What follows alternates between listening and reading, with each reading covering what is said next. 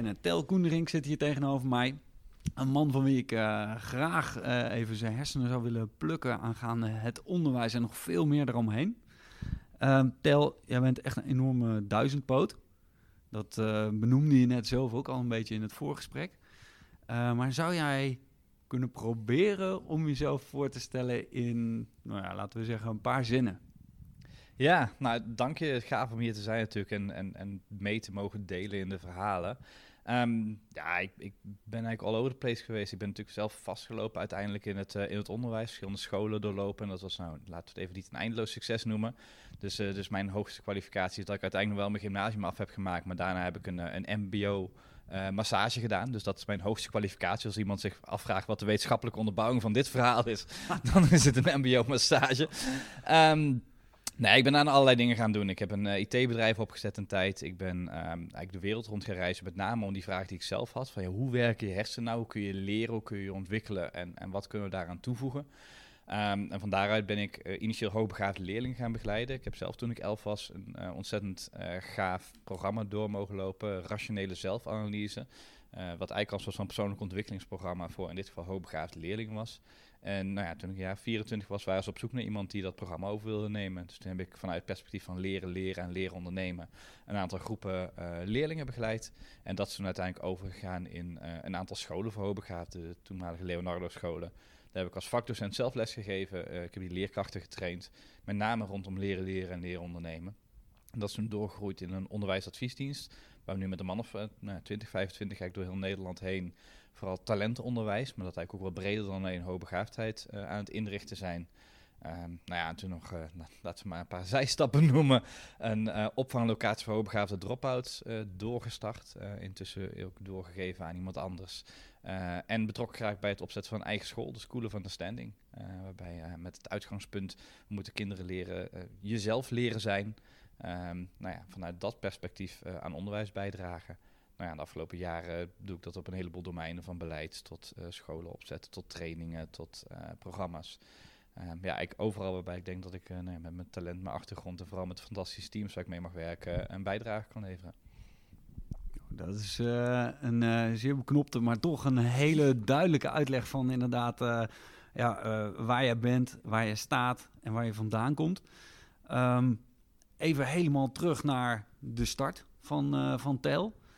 Uh, vind ik wel heel interessant, want ik heb inderdaad, dat vertelde ik in het voorgesprek ook, uh, ook het gesprek met uh, Thijs Lindhout. voor de mensen die dat niet kennen, zeker een aanrader, goede podcast. Waarin Tel ook spreekt over, over onder andere, nou ja, vooral eigenlijk over onderwijs. Ja. Um, jij doet het net anders. En Tel, wat was jouw call to action? Hoe kwam, het erachter, hoe kwam jij erachter dat je zoiets had van... hé, hey, maar voor mij is het eigenlijk heel interessant om erachter te gaan komen, hoe werk ik? Ja, ja, het is denk een hele progressie uh, geweest. En, en ik heb soort van de, de geluk en de pech gehad dat ik um, niet zo goed in het schoolsysteem pas. Dus ik ben eigenlijk mijn hele leven lang uh, gepest. Uh, van jongs af aan, echt van mijn, van mijn fiets afgetrapt. En um, paste niet in de groep, uitgelachen, weet ik wat, er buiten gezet. En dat echt nou ja, lang en, en, en behoorlijk structureel. En nou ja, dat heeft voor mij al de vraag van ja, hoe, hoe kan dat nou? Maar tegelijkertijd heb ik, um, nou ja, heb, heb ik echt heel veel geluk gehad. Echt twee fantastische ouders die heel erg een, een positief zelfbeeld hebben meegegeven. En, en juist, uh, nou ja, ze hebben ook heel erg een eigen levenspad gekozen. En dat ook eigenlijk altijd meegegeven. Kies je eigen levenspad. En uh, dus voor mij voelde het heel erg als een mismatch tussen, wat gek, ik ben oké, maar het past niet in de wereld. En nou ja, dat, dat heeft voor mij een soort van vraag opgeleverd. En vooral die ik ben oké daarbij heeft me natuurlijk heel erg geholpen daarin. Um, nou ja, dat, dat ik dat vanuit een positief perspectief ben gaan doen nou ja, en ik, ik heb eigenlijk altijd een beetje de neiging gehad om overal uit te leren, zeg maar. Dus het maakt niet uit wat ik dan niet weet of niet kan doen. Um, dus um, nou, een van de stappen is geweest toen ik uiteindelijk, want ik, ben, uh, ik heb drie middelbare scholen uiteindelijk doorlopen. Uh, ik heb acht jaar over middelbare school gedaan. En tegen tijd op mijn derde middelbare school kwam, toen ja, die eerste twee middelbare scholen, mijn ouders hebben me heel erg geholpen. Heel veel begeleiders gehad, heel veel ondersteuning gehad. Maar daardoor was ik ook een beetje een soort van het, het leidzame voorwerp van de begeleiding die er op me afgestuurd werd. En bij die derde school was ik ook een beetje klaar mee. En dacht van, ja, weet je, dit wil ik zelf gaan doen. Dus heb ik heel veel geluk gehad met de mentor, uh, Frank van Voort, die mij toen begeleid heeft en me echt uitgedaagd heeft. Van, nou wat, wat ga jij nu doen? Want hiervoor eh, was er op dezelfde school een leerling geweest, uh, van een aantal hoogbegaafde leerlingen geweest, waar ze heel veel aanpassingen voor hadden gedaan. En daardoor was de neiging van die school van ja, maar dat, gaan we niet meer doen hoor. Dat was te veel werk en te veel gedoe. Ehm, dus daardoor kon hij heel erg naast me gaan staan en zei van ik kan niks voor je doen, we gaan de school niet verbouwen, maar wat ga jij nu doen met deze uitgangspunten? En toen zat ik intussen was ik afgezakt naar de HAVO en toen is hij me uitgedaagd om toch naar het VWO toe te gaan. En toen ben ik dat leervermogen heel bewust gaan gebruiken. Van, ja, maar hoe, ja, hoe ga ik dan ook met mijn leven om? Um, en dat is een van de problemen die ik ook echt gekozen heb. Ik heb gekozen, ik, ik wil niet meer onpopulair zijn. Ik wil niet meer gepest worden. Dus ben ik echt, echt letterlijk naar de, naar de bibliotheek toe gegaan en boeken gaan lezen over groepsdynamica, NLP, psychologie en allerlei verschillende perspectieven om te snappen wat het dan is om populair te worden. En toen ben ik ook in anderhalf jaar populair geworden. Wat een heel gek uitgangspunt is, zeg maar, om dat soort van cognitief te benaderen. Exact. Uh, was ook een hele grote teleurstelling trouwens. Van is, is dit het dan, zeg maar? Dat je denkt, van er zit echt iets achter of het betekent iets voor jezelf. Maar dat het uiteindelijk gewoon een aantal sociale interactietrucs zijn bijna. Um, maar ik denk die begeleiding van, van Frank heeft me heel veel meegegeven. Van, ik ga het niet voor je doen. De uitdaging weer voor je. En de vraag is hoe jij ermee uh, mee omgaat. Nou, de volgende stap was na mijn middelbare school. Ik had een tijdje lang een, een baan gehad bij een ICT-bedrijf. En dat ging op zich best goed. Dat wilde ik na mijn school toen ook gaan doen. Want nou ja, na acht jaar middelbare school was ik wel een beetje klaar met het schoolsysteem. Ik denk, ik ga echt zeker niet studeren. Want daar zit ik echt niet op te wachten. En na een maand of zes, nou, pakte dat toch niet zo uit als ik wilde. En toen ben ik echt helemaal vastgelopen. Toen heb ik uiteindelijk nou, bijna negen maanden of zo ergens uit het raam zitten staren. In een klein kamertje in Den Bosch. Uh, echt niet weten wat ik met mijn leven moest doen. En, en nou ja, ook heel erg vast in van ja, maar goed, ik, dat er is dan aangetoond dat ik getalenteerd ben. Dus ik, ik zou hier iets mee moeten doen, weet je. Dus eigenlijk een soort van dubbel mezelf belastend. Van het is niet alleen dat ik nu niks aan het doen ben, maar ik zou iets moeten doen en het zou zoveel verschil kunnen maken. Nou ja, en dat ehm, ging toen heel erg over naar, naar een soort van ik weet niet eens hoe ik daar heel erg toe gekomen ben, maar tot de conclusie, je kunt beter iets doen dan niets doen. Want als ik iets aan het doen ben, dan kan ik tenminste iets van leren. Hier zo vooruitkijken, over mijn leven nadenken, ik ga mij hier niet uitdenken. Ik heb heel lang gedacht, als ik maar lang genoeg nadenk, als ik maar genoeg boeken lees, dan komt er een dag en dan snap ik het leven en dan kan ik doen wat ik snap. Nou ja, ik ben echt helemaal omgedraaid erin, dat het leven is niet te begrijpen. Je kunt veel ervaring opdoen en die ervaring kun je inzichten geven in hoe je dan de volgende stap kunt gaan doen. En die kun je niet eens overzien wat die volgende stap gaat worden. Ja. Nou, het levert eigenlijk twee kanten op. Aan de ene kant ben ik samen met twee vrienden uh, eh, IT-bedrijf begonnen. Uh, iets doen. Ik wist dat ik niet de rest van mijn leven een IT-bedrijf zou willen hebben, maar dit lag voor me. Dit kon ik gaan doen. En daar kon ik iets van leren. En ik, nou, ik zag toch wel voor me dat ik uiteindelijk ondernemer zou worden. En daarnaast ben ik um, mensen gaan helpen op verschillende plekken. Um, dus ik ben online een of andere creativiteitsgoeroe, Win Wenger, tegengekomen. En het vond wel grappig, want je vertelde me net een beetje een vergelijkbaar verhaal. Ik zag zijn website als één grote puinhoop en onvolgbaar. En, en zijn verhalen waren bijna niet volgen, maar zijn inhoud was briljant. Dus een berichtje gestuurd van, hey, super cool wat je doet, maar we moeten echt een vorm vinden hoe je met meer mensen kunt communiceren. Dus toen zei hij van, ja, weet je, super cool. ik heb alleen een webmaster die ik hiermee ook goed over de mik had geholpen ja, trouwens. um, maar uh, we hebben wel, er komt binnenkort een conferentie aan. Die moet georganiseerd worden. Maar degene die dat al deed, die is weggerend. En ik zie ergens dat je ook wat projectmanagement hebt gedaan in IT-werk. Zou jij dat willen managen? Dus nou, dat heb ik toen gemanaged. En uh, toen is dat uh, congres gekomen. Heel veel mensen naartoe gekomen. En toen, want ik was denk ik 22 of zo. Wow. Tegen de tijd dat het congres er was, zei ze van ja, zou je niet willen uh, komen, zeg maar. Want ja, je hebt het nu georganiseerd en zo. Ik zeg, ja, ik, weet niet hoe, ik heb geen geld en dat soort dingen. Zei, nou weet je, uh, wij betalen je ticket wel en je kunt hier bij iemand, uh, kunt hier bij iemand blijven slapen. dus dat kunnen, we, dat kunnen we voor je regelen. Ja, super vet natuurlijk, weet je. Ja, dat wil ik echt wel, wil ik echt wel doen. Waar was dus dat? dat was in, in Amerika, ja. in Maryland, in de buurt van, van Baltimore. En um, toen kwam ik eens in, in een e-mail-discussie van... ja goed, oké, okay, gaaf dat ik in je huis kan blijven. Wat ontzettend vet. Trouwens, die webmaster, die heb ik uiteindelijk hele goede, hele goede relatie. Ontzettend fantastische vrouw, Kate Jones. Um, maar die vroeg van, ja, weet je, hoe lang kan ik dan blijven? Weet je, zei ja, weet ik veel. Er zijn mensen die hier een week blijven. Heb ik wel eens iemand twee maanden in uh, huis gehad. Ik zeg, nou, twee maanden klinkt best vet. ja. Dus toen had ik in een keer een, uh, een ticket naar, uh, naar Amerika... en een plek om twee maanden te verblijven... waar ik, waar ik ook te eten kreeg. Um, Overigens wel toen in het vliegtuig zittend. Hoe slecht is dit idee? ik heb een paar mensen een paar keer ge-mailed. Ik heb een e-mail, ik heb een ticket. En ik land zo meteen ergens in Baltimore uh, International Airport. En ik heb echt geen idee. Ik hoop dat iemand me op komt halen. Want ik heb ook echt helemaal geen geld om het dan nog zelf op te kunnen lossen wow. of zo. Uh, nou, gelukkig werd ik daar opgehaald en warm ontvangen. En, en die conferentie gedaan. Dat heb ik toen ook twee jaar lang nog uh, elk half jaar gedaan. Ben ik teruggegaan. Dus we hebben ook hun trainingen gevolgd en, en geholpen om dat te structureren. En, en ook een trainer-trainer programma gehad. Dus we hebben ook geleerd om trainer uh, te worden. Um, En het gave is, zeg maar, van die conferentie organiseren, dat ik ook met alle trainers mocht praten. Dus je hebt ook een soort van droombaan, praten met allerlei mensen waarvan je ja. denkt, daar zou ik vragen aan willen stellen. Dan heb je een vorm waarbij je een excuus hebt om dat te doen. Exact. Nou ja, dat was het eigenlijk bij mij, het organiseren van die conferenties. Dan mag je de intake doen, mag je bespreken wat ga je doen, achteraf nog vragen stellen en dat soort dingen. En nou ja, dat is heel erg die start geweest. En ook daarbij weer heel veel mensen die heel veel vertrouwen in me hadden en zeiden, we kunnen niks voor je doen. Uh, hier is een uitdaging voor je als je hem aan wil nemen. Uh, wij willen je wel ondersteunen. Weet je, sowieso zijn we, zijn we een soort van geestelijke en morele support, zeg maar. Ja. Um, en nou ja, daarin heel veel voorbeelden van mensen die uh, het gaan, gaan doen. Nou ja, en dat is dan uiteindelijk toen overgegaan veel meer in die, um, in die omgeving, zeg maar, van die scholen die ik ben gaan begeleiden. En ja, heb best wel lang ook last gehad van een soort van imposter syndroom. Yep. Dat ik dacht, er komt een dag, dan komen ze erachter dat ik dit allemaal bij elkaar verzonnen heb. En ja, en, en ja goed, dan, dan komt erachter ja, dat ik geen wetenschappelijke onderbouwing en dat soort dingen heb. Ja, op een gegeven moment kom je op een soort van statistisch punt dat het onwaarschijnlijk is. Weet je, ik is laatst uit te rekenen dat ik meer dan 10.000 uur training heb gegeven in de afgelopen 15 jaar. Ja, het zou misschien toch wel verrassend zijn als na die 10.000 uur er in één keer iemand achterkomt dat het echt 10.000 uur allemaal onzin is geweest. um, ja, mooi. Dus ja, nee, dat, dat proces is dan natuurlijk wel interessant om te kijken van hoe, hoe, hoe kom je daar? Ja. En, en wat doet dat mentaal met je? En ja, juist het vertrouwen van die mensen. En voor mij is de laatste stap die heel veel toe heeft gevoegd, is het opzetten van een eigen school. Uh, omdat als je dan iets hebt, zeg maar, wat klassiek ingericht is, zeg maar, in ons systeem, is het de regels rondom het runnen van een school.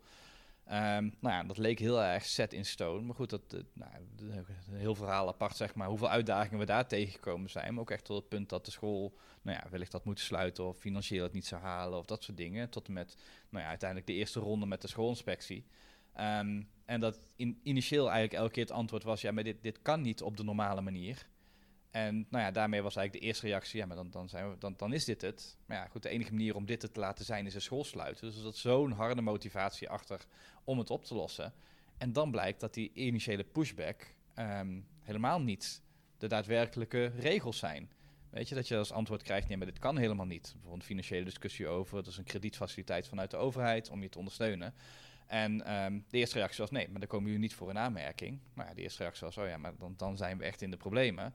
Maar toen ben ik dus daadwerkelijk de regels gaan doorlezen, de wetsteksten door gaan lezen. En zei ik van ja, maar volgens mij als ik deze wetstekst, dan geef je aan dat het niet kan. Maar ik zie geen enkele grond waarop je dit kunt weigeren.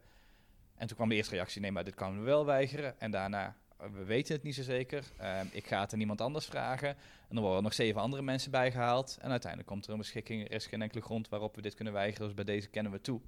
Hoppa. Um, ja. En dat is me intussen zo vaak gebeurd, zeg maar, dat de beginreactie is, dit kan niet, dit mag niet, dit is de wegregel. Uh, de, tegen de regels en de wetgeving. En dat onderaan de streep het onze cultuur is. We zijn gewend geraakt om dit niet meer te doen. Exact. En nou, als er dan zeg maar één, één vaardigheid van mij onder zit of één, één eigenschap, is het, uh, dat noemt Elon Musk first principle thinking. Dat is een van de regels die hij heeft opgesteld. Als iemand hem wil vertellen dat er iets niet kan, bijvoorbeeld met zijn raketfabriek of met zijn Tesla's, dan moet je natuurkundewetten citeren. Want als er geen natuurkundewet tegen is, dan is het gewoon nog niemand gelukt. um, Heel mooi. Nou ja, en dat is eigenlijk een beetje het uitgangspunt van, nou, oké, weet je, ik wil, ben wel benieuwd naar de first principles. Kijk, als we het niet kunnen betalen, want het is gewoon daadwerkelijk te duur. Uh, als er echt ergens in de wetstek staat dat het niet kan, dan is het overigens nog een discussie of je de wetstek niet kunt aanpassen als je maar genoeg Kamerleden meekrijgt, zeg maar. Ja. Maar heel erg teruggaan naar wat zijn die basale beperkingen en is dat dan een echte beperking? En dan merk je dat het 99% van de tijd dat het cultuur is. We zijn gewend geraakt om het niet te doen. En over het algemeen zit de oplossing veel meer, kunnen we mensen meenemen om iets anders te gaan doen. Ja. En dat is dan een veel relevantere vraag. Dan kan het wel of kan het niet, of mag het wel of mag het niet. Is kunnen we mensen zover krijgen om dat te gaan doen? Ja, mooi. En dit is, dit is heel high level en ik wil daar zo uh, graag met je op terugkomen. Ja. Uh, ik heb een aantal haakjes ook uh, waar ik dacht, oh, dat wil ik weten. allereerst breng ik hem even helemaal terug naar het, de start van je verhaal. Ja. Um, veel gepest. Daar ook echt een, een, een nou ja, voor langere tijd is dat basisschool en middelbare school? Is dat uh, basisschool en één middelbare school? Of is het alleen basisschool? Ja. En je bent uh, daaraan gekoppeld de vraag ook, je bent uh, onderzoek gaan doen van, nou, nou, hoe komt dat nou? Ja. Um, wel, over welke periode was dit? En wat waren je bevindingen? Ja. Um, nou ja, er zijn een aantal vragen natuurlijk in één. Ja. Uh, start met de vraag, nee, dit is echt vanaf, uh, nou ja, ik denk zo'n beetje de kleuterklas, uh, de hele basisschoolperiode. Ik heb we zijn ook een keer verhuisd, twee verschillende basisscholen. ook kinderen op straat. Ik fietste gewoon. En ja, goed, het grappige als ik nu natuurlijk terugkijk, is ik, ik vind nooit dat het iemand zijn schuld is dat hij gepest wordt. Weet je, iedereen heeft het recht om veilig te zijn. Aan de andere kant, als ik vijf kinderen op een rij zet, dan kan iedereen zeggen, en dat is degene die gepest gaat worden. Dus blijkbaar zijn er toch een soort van onbewuste signalen die mensen uitzenden, waardoor de kans groter wordt en waardoor als iemand aan het zoeken is naar een slachtoffer, dat het toch wel een keer hetzelfde slachtoffer zal worden. Um, middelbare school is dat eigenlijk doorgegaan. Op mijn eerste school, mijn tweede school ging het iets beter. Uh, door eigenlijk twee redenen. De ene was dat um, mijn eerste school was een soort van scholengemeenschap en ik ging er als jonge leerling heen. Heb daar de eerste twee jaar gezeten en aan het einde van de tweede van een HAVO-VWO-school... Um, nou, toen ben ik op een gegeven moment zoveel gepest dat ik drie hersenschuddingen in een korte tijd had, waarvan ik er twee van mijn klasgenoten heb gekregen. Eén door een bal in mijn gezicht en één wat iemand mijn kopstoot had gegeven. Nou, toen ben ik helemaal door de testmolen heen gehaald van wat, wat, wat gebeurt daar nou, zeg maar. Zowel in zijn ontwikkeling als dat soort dingen. Nou, toen bleek dan hoogbegaafd te zijn, maar een soort van sociale achterstand. Iemand had gezegd van jij bent cognitief 18 of 19, je bent fysiek ongeveer 11 en je bent motorisch en sociaal, emotioneel eerder 7 of 8. Dat is zeg maar hoe, hoe jij opgebouwd bent. Uh, en van daaruit was de suggestie, nou ja, dan zou je voor je cognitieve deel, voor dat hoogbegaafd deel, moet je naar een gymnasium toe. Uh, en het liefst naar een categoriaal gymnasium, dus een speciaal gymnasium, want die kunnen dan misschien meer begeleiding geven ook op die uitdaging die je hebt. Nou, die overstap heb ik gemaakt, maar het gymnasium zei van ja, je overgangsdiploma was eigenlijk niet eens goed genoeg om van 2 HAVO-VWO naar 3 HAVO te gaan. Wij gaan je niet in drie gymnasium zetten, we gaan je niet eens in twee gymnasium zetten. Je mag terug naar één gymnasium. En dat betekent dus dat ik eigenlijk van de jongste leerling in één keer de oudste leerling werd met twee jaar VO-ervaring. En daardoor nou ja, paste ik eigenlijk wel makkelijker in de school. Uh, plus dat het ook een beschermde omgeving was. Dus daar was het wel relatief wel een stuk rustiger. Uh, maar ja, na twee jaar ben ik ook het gymnasium afgetrapt. En zei ja, die cijfers die je nu haalt, uh, na vier jaar VO haal je je overgangsrapport van de tweede niet. Nou, als we je nu laten zitten, dan heb je zo meteen negen jaar gedaan over je VO. Als je het daarna in één keer afmaakt. En die kans is natuurlijk niet eens vreselijk groot. Ja. Dus toen ben ik naar een HAVO-VWO-school gestuurd. naar de HAVO. Zo van, nou ja, laten we dan de, het soort van het leidingsweg maar zo kort mogelijk maken. En toen in de haven ook heel erg gepest. En toen die omslag gehad, zeg maar, onder de begeleiding. Om daar zelf keuzes in te maken. Nou, dan kom je bij die volgende vraag die je stelde: van ja, maar wat, wat was nou je primaire inzicht, zeg maar? Nou, dat inzicht wat ik toen te extreem heb toegepast, is um, dat er een bepaald type mens en type interactie is wat beter werkt. Mensen. Um, als ze zich herkennen in een interactie, als ze zich gehoord voelen in een interactie. Als ze, nou, zo zijn er een aantal dingen die mensen fijn vinden als de andere kant doet, zeg maar, in een interactie. Nou ja, dan zijn er een soort van twee extremen. En ik ben echt wel doorgeslagen. Um, ik ben een chameleon geworden. Ik ben de persoon geworden die de ander wil dat ik word. Want daarmee wordt onze interactie het makkelijkste. Dus eigenlijk nergens meer afvragen wat wil ik zelf, wat vind ik zelf, of wat zou ik nu in deze interactie willen zeggen. Maar alleen maar redeneren van wat zou de ander nu willen in deze interactie met mij. Um, nou ja, dat, is, dat heeft me ook geholpen, zeg maar. Ik heb een heleboel sociale vaardigheden meegeleerd. Ik heb er ook een hoop mee verloren, zeg maar. Ik heb een soort van leven lang therapie nodig gehad om mezelf weer te vinden. Ja, identiteit. Uh, ja. Om je eigen identiteit weer terug te vinden. Maar het heeft me wel ook wel een soort van flexibeler uh, gemaakt in dat perspectief. En dat is ook een beetje wat ik dus aangaf. Van, ja, ik heb toen uitgevonden hoe ik makkelijker aansloot bij mensen en, en die positie kon krijgen. En ook geleerd hoe betrekkelijk het was. Um, nou goed, en dat de rest van mijn leven is eigenlijk altijd gegaan over hoe integreer ik die twee. De vaardigheden die ik heb geleerd, maar wel opereren vanuit mijn eigen identiteit en wie ik echt ben. Ja. En dan überhaupt eens uitvinden wie dat is, want dat is eigenlijk nog best een ingewikkelde vraag. Ja, nogal. ja. Hey, en van, uh, van daaruit, hoe... Um uh, heb je er nou ja, voor gezorgd of hoe is het gelopen dat jij. Uh, en dan, nee, ik besef me meteen dat als ik dit vraag, dat daar heel veel haken en ogen aan hangen. Maar dat jij de uh, gebalanceerde persoon bent die tegenover me zit. Nou, ik zou beginnen met me af te vragen of ik zo'n gebalanceerde persoon ben. En dan zit hier iemand anders in de kamer die me wat langer kent, die ligt helemaal dubbel nu.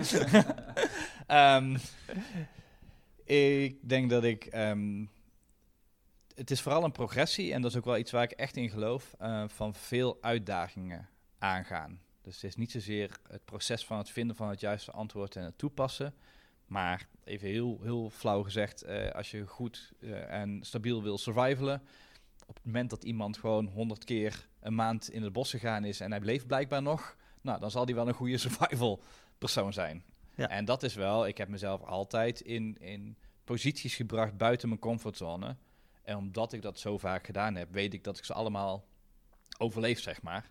En dat heeft ook wel een betrekkelijkheid gecreëerd. Weet je, variërend van nou, ik ben uit vliegtuigen gesprongen. Ik heb een survival training ergens in Oost-Rusland gedaan. Ehm, maar ook op het punt staan dat je verantwoordelijk bent voor een school uh, met uh, 150 leerlingen. En je afvraagt hoe gaan we voorkomen dat deze school failliet gaat. Uh, en dat overleeft, zeg maar. Nou, dat maakt andere dingen betrekkelijk. Sommige mensen ja. krijgen heel veel stress van op een podium staan of een podcastgesprek hebben. Ik denk, nou, zeg maar, uh, nadat ik aan ouders uitgelegd heb, 150 ouders die hun vertrouwen in mij hebben gestopt van de school. Uh, het zou kunnen zijn dat de school wellicht failliet gaat, zeg maar. We hebben uitdagingen, die moeten we samen aan gaan pakken. Nou, dan is dit best een relaxed gesprek ja, zo. Gelukkig. ik ben blij dat je niet dat op hetzelfde niveau trekt. ja, precies. Uh, dat zou niet best zijn. Maar inderdaad, uh, heel interessant. En die uitdaging heb je daar um, jezelf vrij vroeg van gerealiseerd. Hey, op het moment dat ik het voor mezelf wat moeilijker maak, hè, dus ik plaats uitdagingen op mijn pad, dan uh, wordt de rest van mijn leven wat makkelijker. Of is dat gaandeweg eigenlijk een beetje organisch zo? Je kreeg gewoon best wel veel uitdagingen gepresenteerd. En op een gegeven moment leerde je, hey, oh, ik leef nog steeds. Ja. Nou ja, het, kijk, filosofisch zou ik het eigenlijk heel graag andersom willen omschrijven. Uh, iemand, uh, iemand had een samenvatting. Uh, maak gemakkelijke keuzes en je hebt een moeilijk leven. En je maakt moeilijke keuzes en je krijgt een gemakkelijk leven. Um, de praktijk is denk ik vooral dat ik te optimistisch ben. Um, dat ik onderschat hoeveel problemen er achter dingen wegkomen. Daarom start ik allerlei dingen op. En dan, zeker als je dan dingen opstart waarbij de problemen pas na drie jaar komen, dan heb je nog twee jaar om nieuwe dingen te starten waar Ja. ook nog problemen uitkomen. Ja. En dan heb je al die problemen tegelijkertijd. Ehm, dus ik, ja, dit zit echt in mijn karakter om te onderschatten hoeveel problemen er uit iets voortkomen. Eh, daar ben ik nu ook wel wat meer aan het consolideren en wat defensiever bezig. En eh, werk ook samen met anderen waarmee ik gezamenlijk besluiten neem eh, om te voorkomen dat ik zo ver ga als ik in het verleden gegaan ben. Want een jaar of drie geleden was het echt niet grappig meer, zeg maar. Dat er zoveel tegelijkertijd op me afkwam en waar ik verantwoordelijk voor was en waar dingen in tegenvielen. Dat, nou ja, dat is wel, het heeft me laten zien hoe, hoeveel doorzettingsvermogen ik heb en hoe weerbarstig de fantastische teams waarmee ik werk zijn. Maar dat, dit moet, je niet van, moet ik niet van mezelf vragen, moet ik niet van anderen vragen. Nee, precies. Oké. Eh, dus dat doseren is nog wel een, eh, wel een uitdaging. Ja. Ja. balans daarin. Ja. Ja. Oké, hey, en dan vanuit ehm, je hebt het getackeld. Je zegt, nou ja, ik kwam erachter dat eigenlijk de laag waarin we zaten. Want ik pak hem even terug hè, naar een middelbare schooltijd. Eh, de laag waarin dat zich afspeelde was eigenlijk, nou ja, leverde helemaal niet zoveel op. Uh, het chameleon zijn en naar uh, dat gedrag gaan vertonen, gewenst gedrag gaan vertonen om te zorgen dat je een bepaalde populariteit bereikt. Ja. Um, dat was voor jou vrij hol, vertelde je. Uh, alleen, je had wel weer nieuwe vaardigheden geleerd. Ja. En vervolgens kwam je in contact met Frank. Nou ja, dat liep een beetje parallel op, zeg maar. Uh, hij is ook degene die mij uh, gewezen heeft bijvoorbeeld op de zeven eigenschappen van effectief leiderschap. Ja. En het effect van Johan Olaf Kos. Dat zijn zeg maar twee oudere persoonlijke ontwikkelingsboeken, zeg maar, twee klassiekers. Um, en dat is voor mij echt die start van die reis geweest om, om daar te kijken en daar te zoeken, zeg maar. Uh, ja. ja. En dat dan in combinatie met het feit, want toen kwam ook zeg maar, de hele kant van beïnvloeden. Gaf aan van ja, je hebt de kans om naar het VWO te gaan en dus misschien uiteindelijk zelfs terug naar het gymnasium.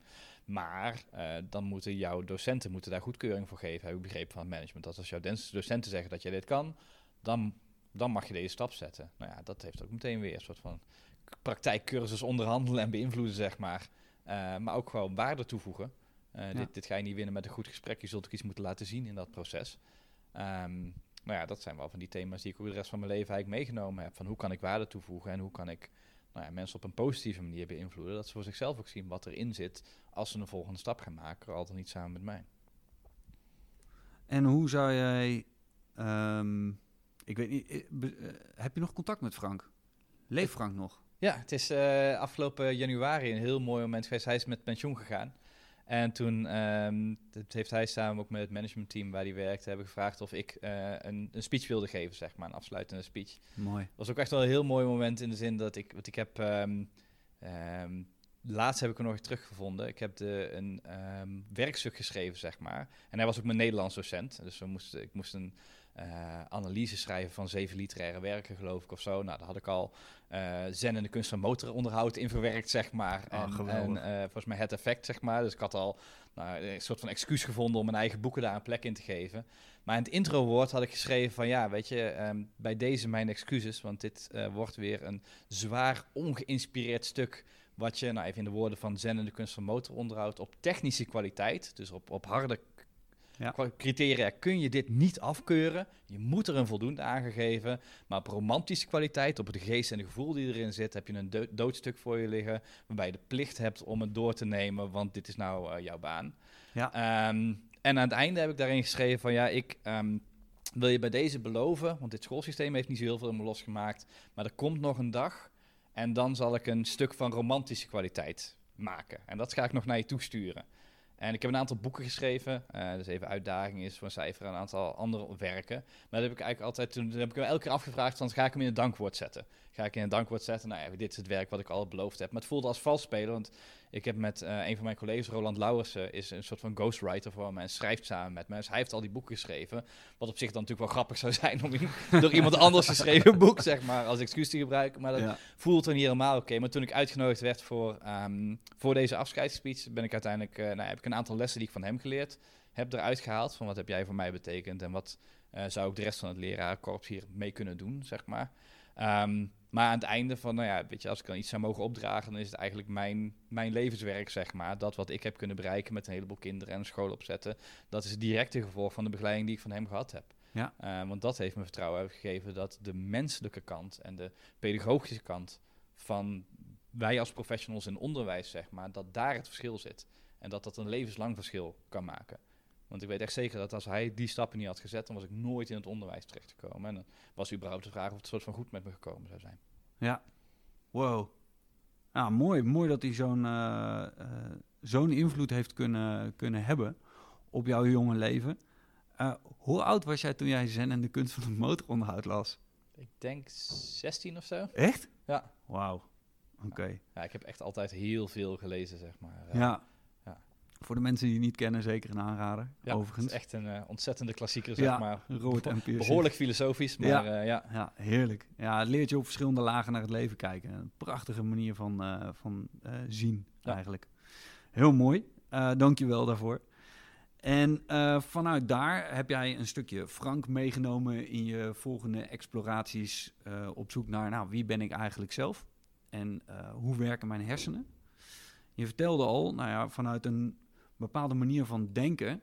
eh, je hebt heel lang geprobeerd je uit situaties te denken. En op een gegeven moment heb je gemerkt, nou, dat is niet helemaal wat werkt. Ik moet doen, dus ik moet mezelf uit situaties leren. Ik leer en daardoor ga ik doen. En op een gegeven moment ben je het volgens mij een beetje andersom gaan doen. Ja. Ben gaan doen en daardoor ben ik gaan leren. Ja.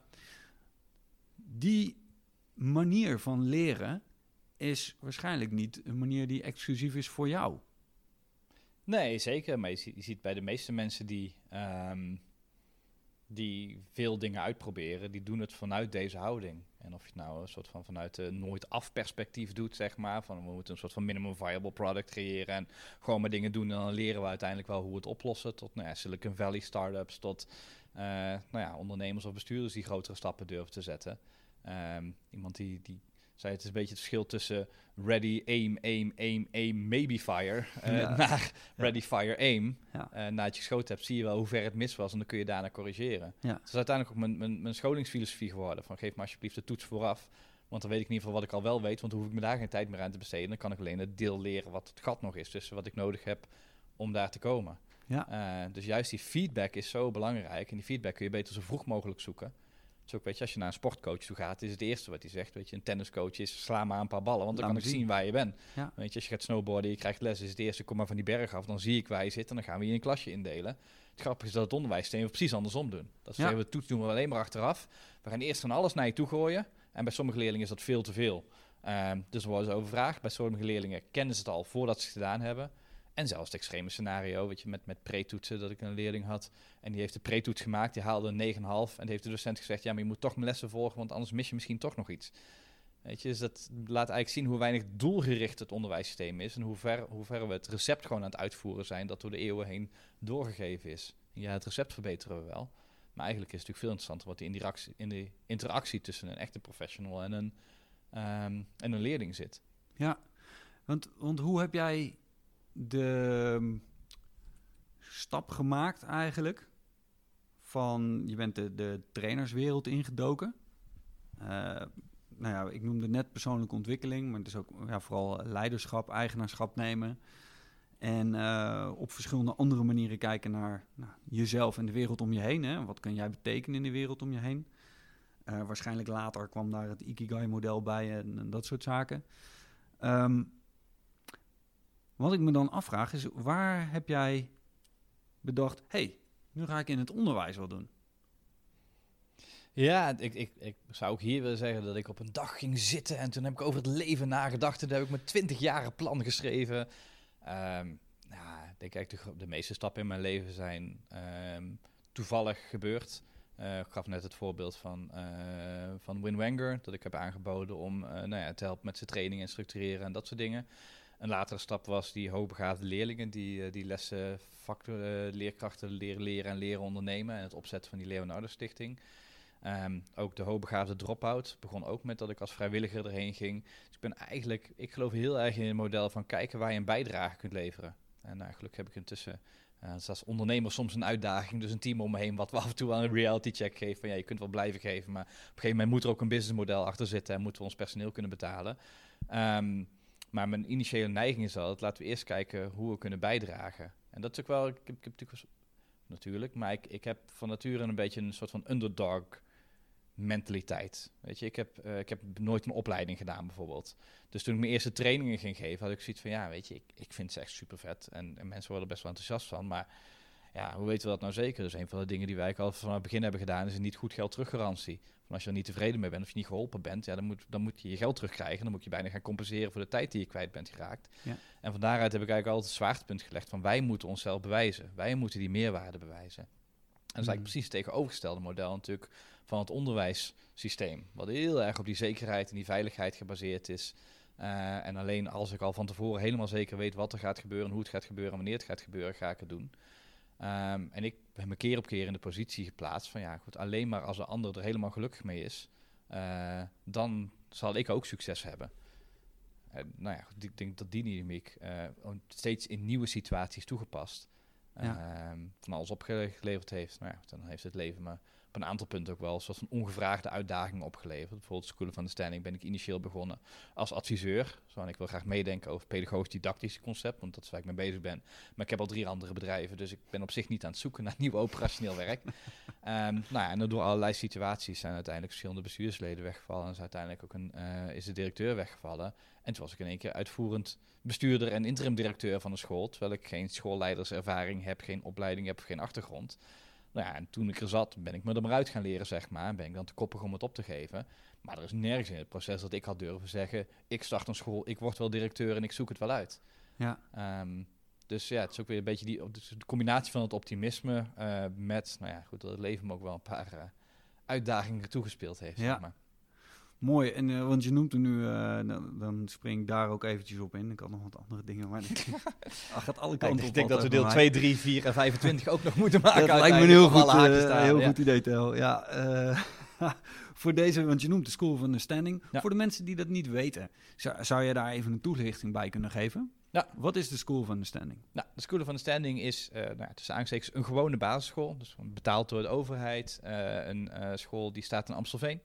En um, daar zitten gewoon allerlei soorten kinderen. Dus ook geen hoogbegaafde, krijg vraag, krijg vraag. Het is geen hoogbegaafde school of zo. Het is gewoon echt een algemeen onderwijs. En voor mij, zeg maar, de pedagogische didactische visie komt vooral vanuit het idee dat ik heel lang heb gewerkt met hoogbegaafde leerlingen die vastliepen en die er niet uitkwamen. Dus op een of andere manier zat er de, de cognitieve vermogens er, het didactische aanbod was er, maar uiteindelijk kwamen die kinderen niet tot leren. En daardoor ben ik een hele analyse gaan doen en gaan kijken van ja, maar wat zijn nou die factoren waardoor het wel of niet lukt? Nou, dan blijkt dat bijvoorbeeld weer als je werkt aan executieve functies, dus planvaardigheden en organisatievaardigheden helpt dat. Als je werkt aan leren, leren en studievaardigheden helpt dat. Als je werkt aan doorzettingsvermogen en een growth mindset, zoals ze dat tegenwoordig noemen, uh, helpt dat. Maar al vrij snel kom je dan bij de vraag: van, al die dingen die ik nu genoemd heb, hebben eigenlijk helemaal niks met hoogbegaafdheid te maken. Het is niet dat je hoogbegaafd moet zijn om dat te krijgen en dat te laten helpen. Eigenlijk zou het voor alle kinderen helpen. Sterker nog, als we het omdraaien, als we het aan alle kinderen zouden aanbieden, dan zou ook geen voor dit deel geen apart hoogbegaafde onderwijs hoeven in te richten. Um, nou, dat was eigenlijk een beetje de onderliggende idee van de School of Understanding. Nou ja, gevoed ook door die, die persoonlijke ontwikkeling en leiderschapsdiscussie. Van ja, volgens mij moeten we meer van dat onderdeel in het onderwijs een plek geven. Dus heb ik gezegd van, nou, oké, okay, gaan we een school opzetten We gaan die leerkrachten veel uitgebreider trainen in die theorieën. En in plaats van dat dat een, een, een soort van vak is, of dat je in je plusklas één keer in de twee weken hiermee bezig bent, gaat het de basis van elke dag worden. Dus elke dag start uh, rond half negen met een levensles. Dus gewoon echt acht jaar lang krijgen leerlingen elke dag een levensles. Die gaat over thema's als hoe gaan we met vrienden om, maar ook hoe gaan we met kinderen in onze klas waar ik geen vriend mee ben. Hoe ruim ik het lokaal op? Uh, hoe plan ik mijn werk? Uh, wat zijn mijn character strengths? Wat zijn mijn sterke eigenschappen? We zijn heel erg geïnspireerd door positieve psychologie. Uh, er zijn heel veel theorieën die goed onderbouwd zijn met interventies die je kunt toepassen, die we vertaald hebben naar klassenmodellen, echt van, vanaf groep 1 tot en met groep 8. En nou ja, vervolgens zijn leerlingen uh, de rest van de dag bezig in, um, ja, in hun school. En ja, kun je op soort van drie manieren innoveren. Heb ik meestal een soort van een samenvatting. Je kunt het op inhoud doen. Nou, qua inhoud zeggen we willen kinderen vaardigheden bijbrengen. Willen ze een positieve, constructieve levenshouding bijbrengen. Willen bijdragen in de ontwikkelingspsychologie. Dat ze op een hoger moreel niveau komen, een hoger probleemoplossend vermogen. Ze moeten zichzelf leren kennen en we moeten kunnen werken aan hun welbevinden. Dus vanuit die verschillende perspectieven zijn we eigenlijk aan het kijken hoe we daar kunnen bijdragen qua inhoud aan kinderen. Vervolgens zijn we ook gaan kijken naar de onderwijsvorm. Dus we werken niet in klassen waarbij je één leerkracht hebt met 30 kinderen tegenover. En dat dat alleen een bevoegde leerkracht kan zijn. Maar wij merken met wat ze noemen met een functiemix. Dus we hebben, uh, wij noemen het dorpen. We hebben het lente, het zomer- en het herfstdorp. De bovenbouw eigenlijk in feite. En daar werken nou ja, een team van uh, vier tot uh, zeven professionals samen om die 90 kinderen te begeleiden. Maar dat zijn ook uh, pedagogen en opgevoegde leerkrachten en uh, coaches en um, onderwijsassistenten dan formeel. Maar die groep die gaat gewoon samen kijken wat zijn onze competenties en hoe kunnen we dat, hoe kunnen we dat doen. Uh, waar ik nog steeds echt super blij van word, is dat ze op een gegeven moment in een van de dorpen discussie hadden. wie is nou degene die de IB-taken, zeg maar, de zorgtaken gaat doen? En dat er unaniem gestemd is dat degene met het officiële onderwijsassistent-achtergrond dat mocht gaan doen. Terwijl dat eigenlijk in de klassieke school natuurlijk helemaal nooit zo zou werken, want dan moet degene met de IB-opleiding en met de officiële papieren dat gaan doen. Ja. En, nou, en dat zegt ook wat over, die, um, over de organisatie. Dat is de onderwijsvorm, dus met 100 kinderen in een dorp werken, unitonderwijs. En de organisatievorm, het geloven in zoveel mogelijk decentraliseren. Het is niet dat ik daar de baas moet spelen en zeggen mensen moeten dit doen. Maar ik ben dan heel snel, ja, voornamelijk vanuit de filosofie van hoe investeren we in een aantal mensen. Ik heb heel veel lucht gehad dat er echt een aantal fantastische mensen opgestaan zijn die zeggen, wij willen deze school wel vorm geven. We willen de cultuurdragers en de, de inhoudelijk dragers van deze school zijn. En die zijn toen die uh, vertaalslag gaan maken. Uh, waarbij we ook budgetten decentraliseren en die dorpen zelf mogen kijken hoe ze georganiseerd worden. Um, dus ja, dat is eventjes een soort van een notendop de belangrijkste dingen van de School of Understanding. Waarbij onze missie is dus jezelf leren zijn. Um, Waar dan eigenlijk zowel nou, jezelf leren zijn is al iets, maar jezelf gaat over jezelf leren kennen. Leren betekent dat het gaat om leren en groeien. Dus het gaat niet om een diploma halen. Het gaat niet om een hoger of lager CITO-score halen als je maar aan het groeien bent. Uh, relatief ten aanzien van jezelf alleen. En zijn. Dus het bouwen aan een constructieve, positieve levenshouding. Ja. En waarom ligt daar de nadruk op? Op deze pijlers? Um, nou ja, zowel omdat ik eigenlijk in het verleden al geleerd heb dat dit uh, bepalende factoren zijn, zowel in mijn eigen leven als bij andere mensen. Uh, dat als ik mag kiezen tussen uh, mijn kinderen, ik heb drie fantastische, prachtige dochters, als die kan kiezen tussen, die kunnen een, weet ik veel, een summa cum laude gymnasiumdiploma hebben, of ze kunnen constructieve, optimistische, doorzettende, probleemoplossende, samenwerkende, empathische mensen zijn, nou, dan hoef ik dat diploma echt niet te hebben. Dan heb ik liever dat ze die, die tweede categorie zijn. En eigenlijk bijna iedereen is, is het dan ook over het algemeen wel, wel met me eens. Nou, ik zie ook dat het een soort van probleemoplossend vermogen heeft. Dus heel veel uitdagingen die we in het schoolsysteem hebben, dat kinderen thuiszitters worden of dat er allerlei dingen uitvallen, zit ook vaak in die factoren. Als het beïnvloedbaar is, dan is het vaak met die factoren te beïnvloeden. Nou ja, en ik, ik gebruik vaak een beetje het flauwe metafoor van een Mars-Rome-regel. Dat we, als we kinderen iets leren en we willen dat het tijdloos is, want de wereld is super snel aan het veranderen. Uh, weet je, uh, zelfrijdende auto's, 15% van de banen ongeveer. Iets of iemand ergens heen rijden. Nou, dat gaat in de komende 5 tot 15 jaar verdwijnen die gewoon. Dus een hele beroepsgroep, zeg maar, uh, moet in één keer iets anders gaan doen. En dit is eigenlijk nu pas. En het tempo van verandering gaat alleen maar sneller. Weet je, kunstmatige ja. intelligentie gaat nog veel meer doen. Ja. Dus wij moeten kunnen omgaan met een radicaal veranderende wereld. Nou ja, en dat gaat vooral afhangen van weer die houdingsfactoren. Dus we willen kinderen iets tijdloos aanbieden. Maar ja, stel je voor dat jij in de commissie gezet wordt, het curriculum van 2050. Je hebt geen schimmig idee wat je erin moet zetten, want je weet niet hoe die wereld eruit ziet. Hebben we nou een universeel basisinkomen? Wonen we op Mars? Wat is er aan de hand? Ja. Nou, daarom heb ik die stelregel, de Mars-Rome-regel. Uh, als iets nuttig was in het oude Rome en het gaat nog op Mars nuttig zijn, dan kunnen we redelijk vaststellen dat het tijdloos is, binnen reden. Ja. Dus, uh, nou ja, weet je, zonder iemand tekort willen doen, Duitse taal en cultuur, fantastisch vak, van alles van geleerd. Maar oude Rome had je er niks aan, op Mars heb je er niks aan. Maar ook de wet van Snellius, uh, wat een natuurkundige heel erg belangrijk zou kunnen vinden. Oude Rome, weinig aan. Op Mars waarschijnlijk ook weinig aan, tenzij je een heel specifieke functie hebt. Ja. Ehm, maar hetzelfde geldt voor geschiedenis, waarderskunde of allerlei verschillende vakken. Terwijl doorzettingsvermogen altijd populair. Samenwerken, altijd populair. Empathisch zijn, altijd populair. Altijd waardevol. Dus je moet er veel meer naar je tijdloze dingen toe gaan. En ik ben eigenlijk nog gesterkt in die gedachte toen ik op een gegeven moment ehm, bij uh, Elon Musk dan terechtgekomen ben. Uh, hij heeft een eigen school voor zijn kinderen. Hij had zijn kinderen op een hele dure privéschool zitten, die vooral bezig was met, um, met cv opbouwen. Ik heb daar het concept geleerd van verplicht vrijwilligerswerk. Um, want dat staat goed op je cv. Dus alle kinderen moesten verplicht vrijwilligerswerk gaan doen, wat natuurlijk echt helemaal nergens over gaat. Um, nou, hij werd er zo gek van. Hij zegt, ik ga een eigen school opzetten. Uh, heeft één docent eruit gekozen die vooral een PhD in moral philosophy had. Dus juist een filosoof, uh, moreel in, geïnclineerd. gezegd van, je krijgt geld, je krijgt de ruimte... en dan kun je mijn kinderen, maar ook een heleboel kinderen van de raketgeleerden... van mijn SpaceX-fabriek kun je les gaan geven. En ik heb heel veel, ik ben een paar keer daar naartoe geweest, heel veel interactie met ze gehad. En zij zeggen, we hebben maar twee doelen. Kinderen moeten goede mensen worden en goede probleemoplossers. Want als we dat hebben voor onze toekomst, goede probleemoplossers die goed moreel in elkaar zitten en dat ze met een goede intentie doen, nou, dan gaan we de toekomst goed halen. Ja. En het maakt niet uit welke andere dingen we doen, als het niet gedaan wordt door goede mensen of door mensen die niet kunnen problemen oplossen, en zeker niet door mensen die het allebei doen, dan is er eigenlijk niks wat ons gaat redden. Want deze coronacrisis is natuurlijk nu heel erg heftig, maar het gaat waarschijnlijk niet de laatste zijn. En de dag dat de coronacrisis voorbij is, dan gaan we weer terug naar een lerarentekort en dan gaan we weer terug naar segregatieproblemen. Onze maatschappij die heeft zulke fundamentele problemen die alleen maar groter gaan worden. We gaan niet terug naar de jaren 90, zeg maar, van Wim Kok en, en Wim, Vader Nederland. Alles is oké en het gaat eeuwig goed komen. Er is bijna niemand meer die dat gelooft. We proberen af en toe ons hoofd in het zand te stoppen en te, te hopen dat het beter wordt, maar het gaat niet meer terugkomen. Het gaat pas terugkomen als wij in actie komen en vanuit een goed probleemoplossenschaps en als goede mensen daar dingen in gaan doen. En goed, ik gaf al aan, ik ben het onderwijs niet expres ingegaan. Ik ben drie jaar geleden heb ik een sabbatical gedaan van zes maanden om af te vragen naar al die als al die dingen die ik gedaan heb, wat wil ik nou? Weet je, ga ik mijn bedrijven verkopen en ren ik weg of weet ik wat ik wat ik ga doen? En toen kwam ik wel tot de conclusie, ik wil maximaal bijdragen en waar zou ik nou het grootste verschil kunnen maken? En dan geloof ik in het veranderen van het onderwijssysteem naar deze boodschap. Ja. Dat, dat er sterkere, probleemoplossende samenwerkende mensen uitkomen. Weet je, een beetje, een beetje echt, kwam, echt op een gegeven moment tot die flauwe analyse van wat nou als ik iets zou op kunnen zetten waar mensen bij elkaar komen en dan goed beïnvloed kunnen worden om nou, betere leiders te worden en samen te werken en doorzetten. Ja, ja maar er is niemand die ervoor wil betalen. Wie gaat er nou een jaar lang betalen? Dat kost echt weet ik hoeveel geld.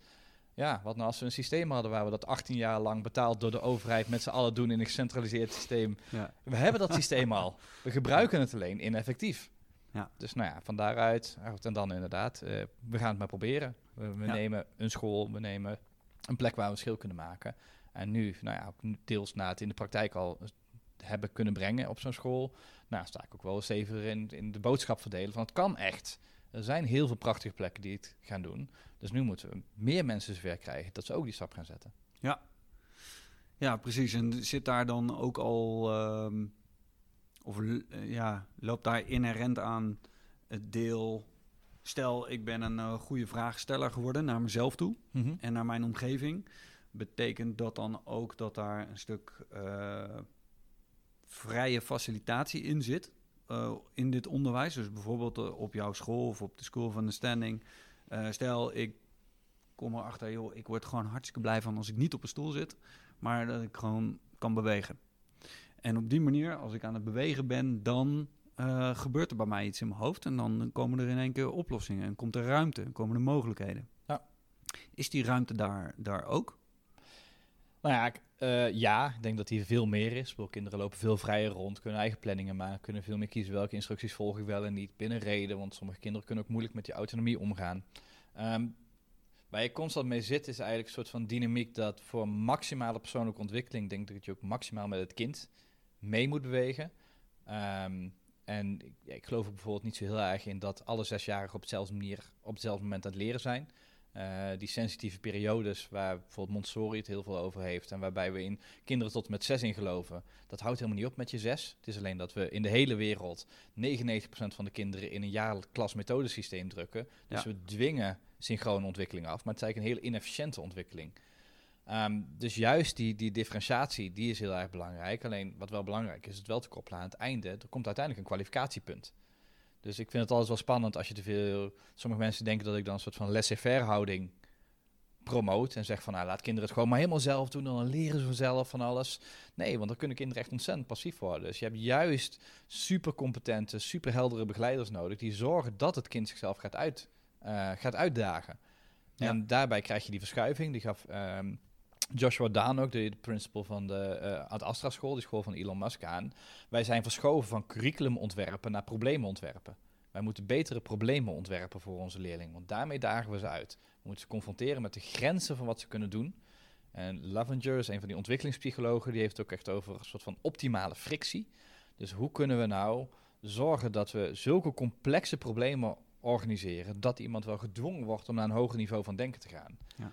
Nou, in het begin zit je dus heel erg in die procedure van nou, die optimale frictie, om gepassend voor dit kind uh, uitdagingen te creëren, waardoor die buiten zijn comfortzone moet uh, lopen. Om even een heel stom ander voorbeeld te geven. Dat kan ook het braafste kind van de klas zijn, uh, uitdagen. Die heb ik een tijdje geleden heb ik eentje gecoacht. Jij gaat spijbelen.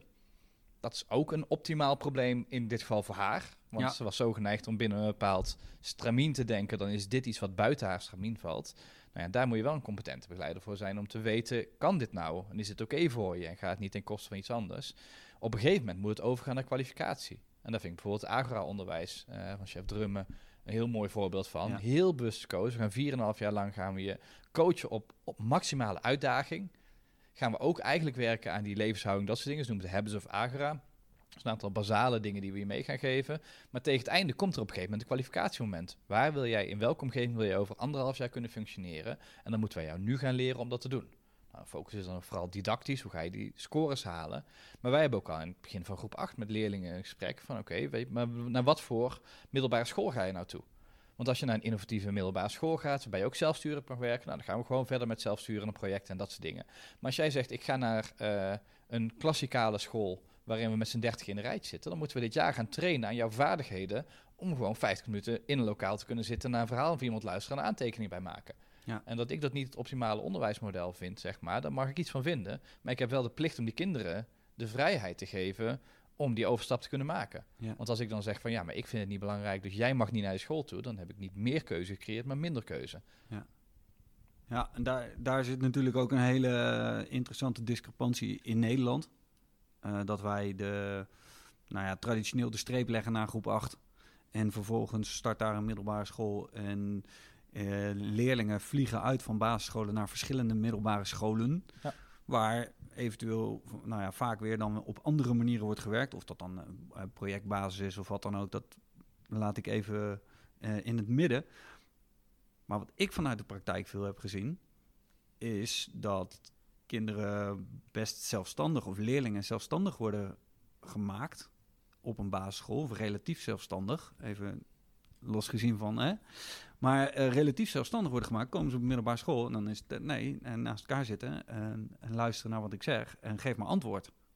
Ironisch genoeg is het niet één keer dat we het doen, maar dat doen we een keer of vijf in een schoolperiode. Exact. Want eind van de kleuters zijn kinderen zelfstandiger dan het begin van groep drie. En aan het einde van groep 8 zijn ze vaak zelfstandiger dan aan het begin van de, van de middelbare school. Aan het einde van de onderbouw beginnen ze eigenlijk in de leermodus te komen, zeg maar. Maar dan kom je vaak in de, in de weer eindexamen georiënteerde bovenbouw terecht. En dan hebben we vervolgens hebben we redelijk autonome uh, eh, VWO-leerlingen, zeg maar, of eind, ook VMBO-leerlingen die een eigen beeld hebben. En dan gaan ze naar een volgopleiding die vaak dan weer lager insteekt. En hetzelfde gebeurt eigenlijk bij je werk ook weer. Ja. En de zoektocht is inderdaad, hoe kun je die doorgaande lijn creëren? Nou ja, er zijn er twee mogelijkheden. De ideale wereld natuurlijk dat we allemaal perfect op elkaar afgestemd zijn. En dat we eindeloze afstemmingsoverleggen gaan doen. Um, idealiter zou je willen dat die onderwijssysteem wat flexibeler zou zijn. En dat misschien de indeling van je onderwijssysteem niet primair is gericht op jouw didactische niveau. Jij rekent als een 11-jarige, dus je, je, begint aan de VO. Maar dat er minimaal zoveel vragen zijn over wat is jouw zelfstandigheidsniveau nu op dit moment. En hoe kan ik je dan nu begeleiden en hoe kan ik je stimuleren om daar meer in te ontwikkelen. En daarom vind ik die dimensie, zeg maar, en daarom zijn we echt een heel model uit gaan werken van hoe breng je in kaart, waar staat een leerling qua vaardigheden, waar staat een leerling qua levenshouding, waar staat die qua ontwikkelingspsychologie en waar staat die uh, qua zelfkennis en in zijn welbevinden, want daar moeten we op aansluiten. En dat vind ik eigenlijk nog wel interessantere vragen dan wat is een spellingsniveau en heeft hij zijn rekenniveau wel gehaald. Want nou ja, goed, als je die leerling in een soort van optimale, zelfkennende leerhouding kan krijgen. Nou ja, dat laat ze dan ook bijvoorbeeld bij Agora zien. Als je daar vier jaar in geïnvesteerd hebt, dan kun je in één keer in anderhalf jaar kun je alle doelen van het centraal eindexamen halen voor een heel groot deel van de leerlingen. Yep. En het zal vast niet bij iedereen lukken en er zal allerlei commentaar op te leveren. Maar het feit dat het, dat het bij iemand lukt is eigenlijk een wonder. Ja. Want het klassieke onderwijsmodel zegt, je hebt, ik moet vier tot zes jaar tegen je aanpraten. Want als ik niet al die uren tegen je aangepraat heb, dan kun je dat niet doen.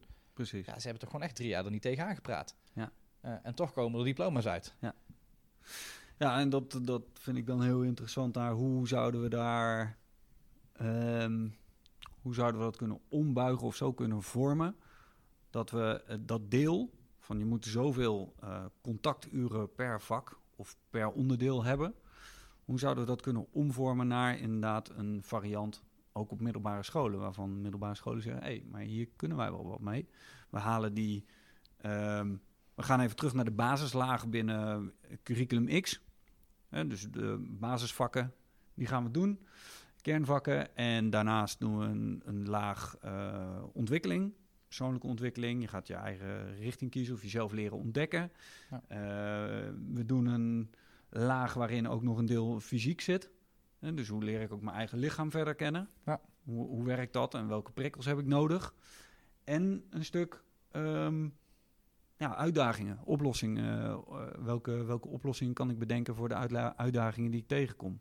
Nou, daarbij denk ik even twee, twee dingen. Het is ehm, nou, misschien wel terug te grijpen naar de zeven eigenschappen. Volgens mij heeft hij eh, ergens in, staat me vaaglijk bij dat er een hoofdstuk gaat over de productie versus de productiemachine. Van hoe productief ben je, hoeveel komt er uit je en hoeveel produc- productie heb je nodig. En dan even een heel lam metafoor erbij te halen. Maar het is eigenlijk een beetje alsof je een kind hebt wat aan het kruipen is. Die kruipt met 2 km per uur. En je zegt, ja, ik moet aan het einde van de periode moet ik wel, moet ik wel 10 kilometer overbrugd hebben. Dus we moeten elke seconde kruipend besteden.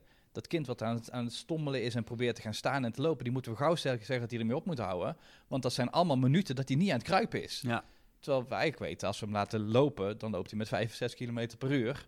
Dus dan zou hij in no time de achterstand inhalen die hij nodig heeft gehad om die, om die leercapaciteit te verhogen. Ja. Nou ja, en dat is denk ik een, een uitgangspunt wat in het onderwijs wel veel terugkomt, is dat je ziet de, de, het leervermogen en de leercapaciteit van leerlingen zie je steeds verder dalen. En daardoor moet je steeds meer druk gaan leggen op je contacturen en op je aanbod, omdat het met steeds, steeds lager eh, overdrachtspercentage. Bij een perfect lerende leerling komt er misschien 60 tot 70 procent over, zeg maar. Maar als hij op een gegeven moment compleet disengaged is, niet weet wat zijn eigen leerstijlen zijn, geen leervaardigheden heeft, midden in de puberteit zit, dan, dan dropt dat naar 5 procent.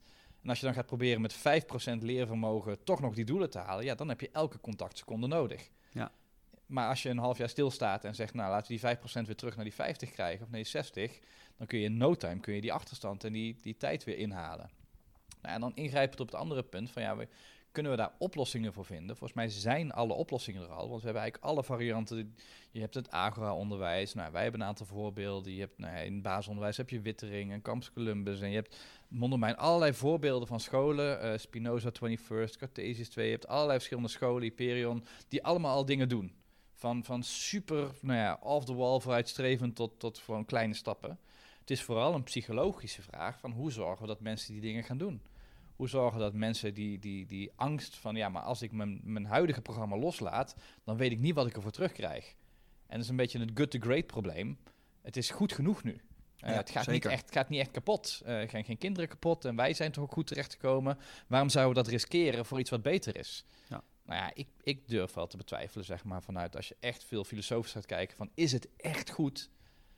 Er zijn meer depressieve tieners en twintigers dan we ooit gehad hebben, zeg maar. En, en vanuit werkgevers wordt aangegeven, ja, we, we weten niet of dat wat er nu binnenkomt, of dat aansluit bij de vraag die we hebben. Nog even Ja. los van het feit of die banen blijven bestaan. Dus de vraag is of we dan wachten totdat dat echt gaat crashen. Nou, het lerarentekort is natuurlijk een van de dingen waar we dat nu in de praktijk zien. Of dat we die transitie gaan maken. Maar daarvoor moeten we ook realiseren dat dat wat wij pedagogisch roepen. Kijk, pedagogiek wordt heel erg gezien als hoe gaan we met kinderen om. Maar pedagogiek zegt iets over mensbeeld. Hoe kijk je naar mensen?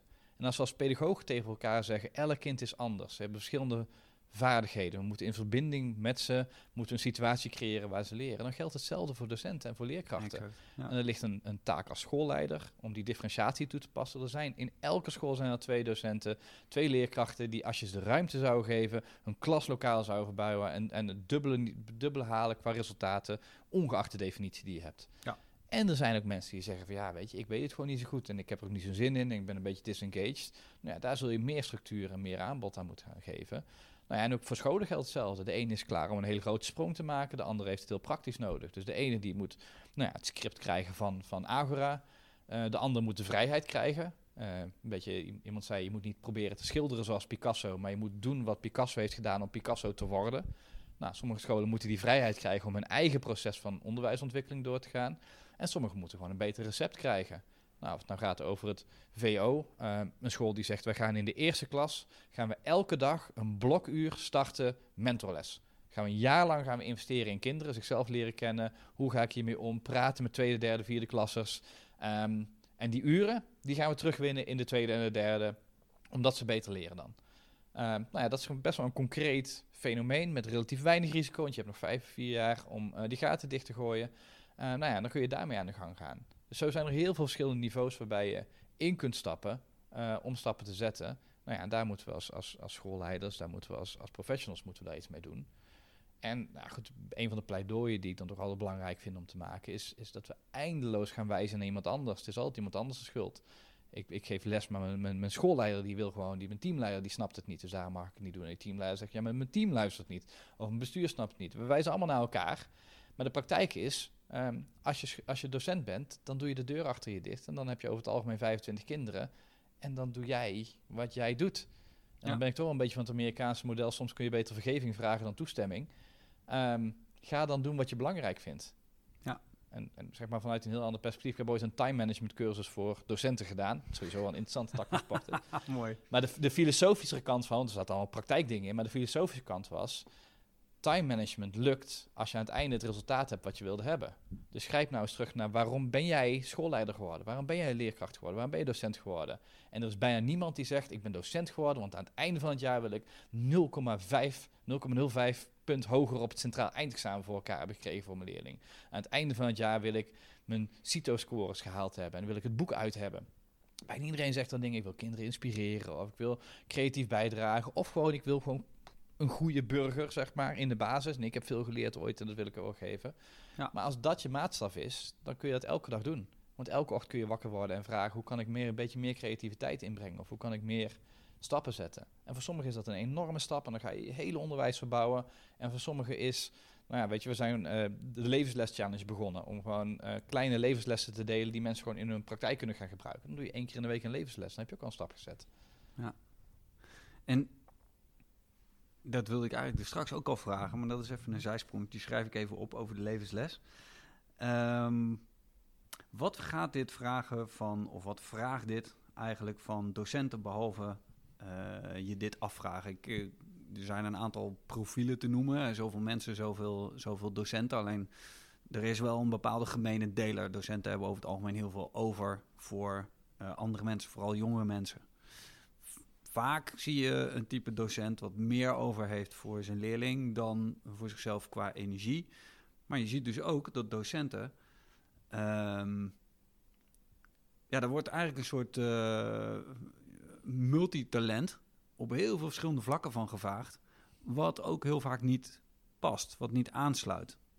Waardoor je een terugtrekkende beweging ziet bij een bepaald type docent. Dat zegt, nou, weet je, uh, dit, hier heb ik controle over dit kan ik goed of hiervan uh, heeft het 20 jaar gewerkt en ik ga ervan uit dat de komende 20 jaar ook nog werkt.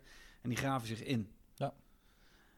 Uh, wat zouden we nou kunnen doen om te zorgen dat uh, die mensen zich iets minder ingraven, iets meer ruimte voelen en iets meer kunnen naar, oké, okay, maar dit is waar ik blij van word. Hè. Dit is waarom, waarom ik docent ben geworden. dit is de invloed die ik graag zou willen uitoefenen binnen of op de levens van, eh, van jonge mensen. Hoe zie jij dat? Welke, welke mogelijkheden zie je daar? Ja, Um, nou, gaan we twee kanten op. Zometeen ga ik weer een abstract antwoord geven, zeg maar. Maar dat ik het even heel praktisch maken. Ja. Uh, een school ging een talentuur doen. Dus één uur in de week mocht je als docent iets geven waar jij enthousiast van werd. En dat was in blokken van zes of acht weken. En daardoor kon, kon je het logistiek een beetje rondkrijgen. Maar iedereen wist dat hij één uur in zijn week had... waarin hij iets aan delen was, of aan doen was met leerlingen... wat primair ingegeven was door wat hij zelf leuk vonden. En leerlingen mochten daarop intekenen. Uh, dus daardoor konden ze ook allerlei verschillende mensen tegenkomen. Cool. Dus soms hoef je het ook niet heel groot te maken. Hè? Nee. Bedoel, je kunt je hele systeem om gaan gooien, maar zulke stappen maken echt al een enorm uh, verschil. Ja, en uiteindelijk is het sleutelwoord hieronder natuurlijk differentiatie. Maar bij differentiatie is het wel belangrijk. Ik even, eigenlijk doen we hetzelfde met curriculum natuurlijk. We hebben een heel vol curriculum met honderdduizend dingen die we allemaal moeten doen.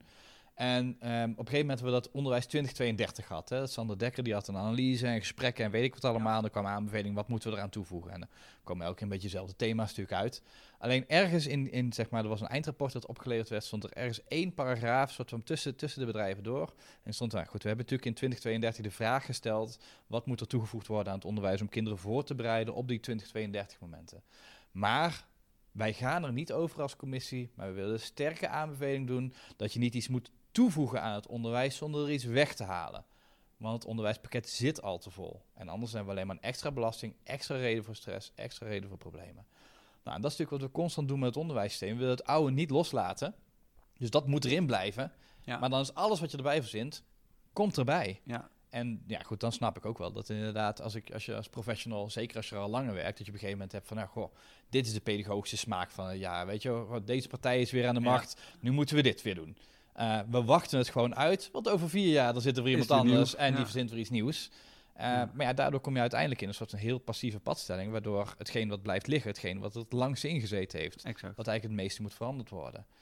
Nou, daar moeten we denk ik inderdaad in gaan schrappen. Wat is de minimale variant? We moeten niet de maximale variant, maar de minimale variant van al die onderdelen gaan doen. Om die vrije ruimte te creëren om iets anders erin te stoppen.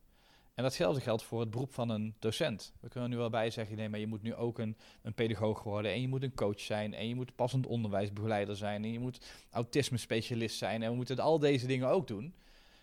Als ik een docententeam heb van 30 of 70 of 120 man, dan kan ik al die competenties aan het team toevoegen. Zodat het voor de leerlingen beschikbaar is. Maar ik kan niet eisen dat elk van die 70 docenten of elk van die 30 docenten ze allemaal heeft. Nou ja, dan kom je echt, ik zie echt geen andere oplossing voor het onderwijssysteem dan zware functiedifferentiatie. Wat nou als er een paar mensen juist didacticus willen zijn, het fantastisch vinden, helemaal gelukkig worden. En denken van ja, nee, ik, ik wil gewoon wel de hele dag verhalen vertellen over natuurkunde, want dit is wat ik doe. Weet je, maar nu, moet ik ook nog een toets maken, maar ik ben geen econometrist, dus ik weet niet eens hoe ik die dingen door moet rekenen. Dus dat ga ik uiteindelijk maar uit een boek halen. En dan moet ik ook nog coachingsgesprekken en dan gaat zo'n leerling eindeloos tegen me aanpraten, zeg maar. Terwijl ik eigenlijk liever wil vertellen over hoe ga ik natuurkunde vind. Ja. Tegenover iemand anders die dan met pijn en moeite, met lange tanden op zijn zondagmiddag, maar weer een les zit voor te bereiden. En denkt van ja, ja, want dit hoor ik nou eigenlijk te doen. En wakker wordt bij het idee, oh ja, ik heb weer één mentoruur morgen, weet je. Dan mag ik gewoon met leerlingen gaan zitten en een gesprek gaan hebben. Maar het is wel balen dat het met 30 moet. Het zou eigenlijk beter gaan met 8. Ja. Nou, en uiteindelijk als je dan een hele stap terug doet, um, en dat kun je niet in één keer doen. Ik heb op een gegeven moment in Amerika een oefening geleerd in de hele zero-based budgeting. Dat je zegt, wat nou als we de oefening doen? We hebben gewoon 70 man hier rondlopen. We hebben, weet ik veel, 5000 vierkante meter hier. En we hebben nog een miljoen vrij besteedbaar budget, zeg maar. En we hebben 1200 leerlingen. Nou, wat zouden we dan gaan doen? Nou, er is echt geen enkele sessie die je zo doet waar het jaarklas methodesysteem als antwoord uitkomt. Nee. Dat is heel logisch als je het 100 jaar geleden wil doen, is dat echt een heel optimaal antwoord, maar nu niet meer. Er zijn zoveel verschillende mogelijkheden, zoveel verschillende competenties. En dan heb ik liever dat 10% van die beroepsgroep zich helemaal gaat richten op dat coachen en het begeleiden en dat soort dingen. Maar wat we nu doen, is als we dan de rollen van de docent uit elkaar gaan halen, dan gaan we dus de eisen weer verhogen. Want dan moeten docenten weer allemaal kunnen.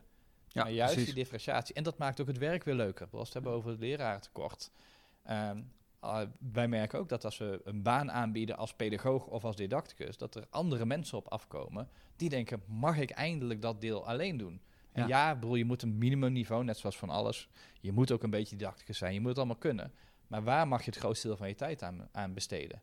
Ja. En dan hebben we natuurlijk een aantal duizend poten, die moeten we houden. Maar als dat de ondergrens van ons onderwijssysteem is, ja, dan kom je op een gegeven moment mensen tekort. Ja, precies. Precies. Ja, het kan, het kan ook gewoon echt niet, wat dat betreft. Je, wat, en dat is wat je... Nou ja, je noemde uh, Silicon Valley al een keertje eerder. Um, lessen die je kunt leren vanuit uh, moderne start-ups, vanuit uh, bedrijven die vooruitstrevend bezig zijn als het gaat over nou ja, management, of eigenlijk een deel loslaten van management die zitten heel erg op elkaar. Dus ieder, als jij nou gewoon kan doen waarvoor jij het liefste je bed uitkomt, ja, dan hebben wij nooit een probleem met jouw motivatie. En jij zelf ook niet. Nou ja, maar, en, maar er zijn ook een aantal vervolgconstructies. Hè? Want het is niet alleen een soort van idyllisch beeld van nou ja, we laten mensen maar gewoon lekker een passie doen en dan komt alles vanzelf goed. Silicon Valley heeft als geen ander geleerd dat um, innovatiemanager een hele specifieke tak van sport is. Ja. En dat elke fase van innovatie iets of iemand anders vereist. Diegene die van nul, zeg maar, van een vaag idee naar de eerste minimum viable product is, is maar zelden degene die het bedrijf van 1 naar 2 miljard helpt. Klopt. Um, dus daar moeten andere mensen moeten daarin komen. En zelfs Google is tot het punt gekomen. Die hebben uiteindelijk Google X, dat is hun, hun innovatietak, hebben ze van de campus van Google afgehaald. Want zelfs als het gewoon in het gebouw van het reguliere management zat, dan gingen er mensen iets van vinden en gingen roepen over hoe het zou moeten en of het binnen bepaalde benchmarks moest passen. En dan werd meteen weer die innovatie om zeep geholpen. Aan de andere kant, alleen maar Google X dingen uit laten vinden, dan moet je er geld in blijven gieten tot het einde der tijden, want er komt nooit uiteindelijk een verscheepbaar product. Weet je, er zijn ballonnen aan het maken die nu boven Kenia hangen, waar je internet mee kunt uh, hebben. En ze hadden een robot, uh, robotfabriek, geloof ik, zeg maar. Maar het was allemaal niet schaalbaar. Uh, niet op de manier zoals Google. Dus het gat daartussen was te groot.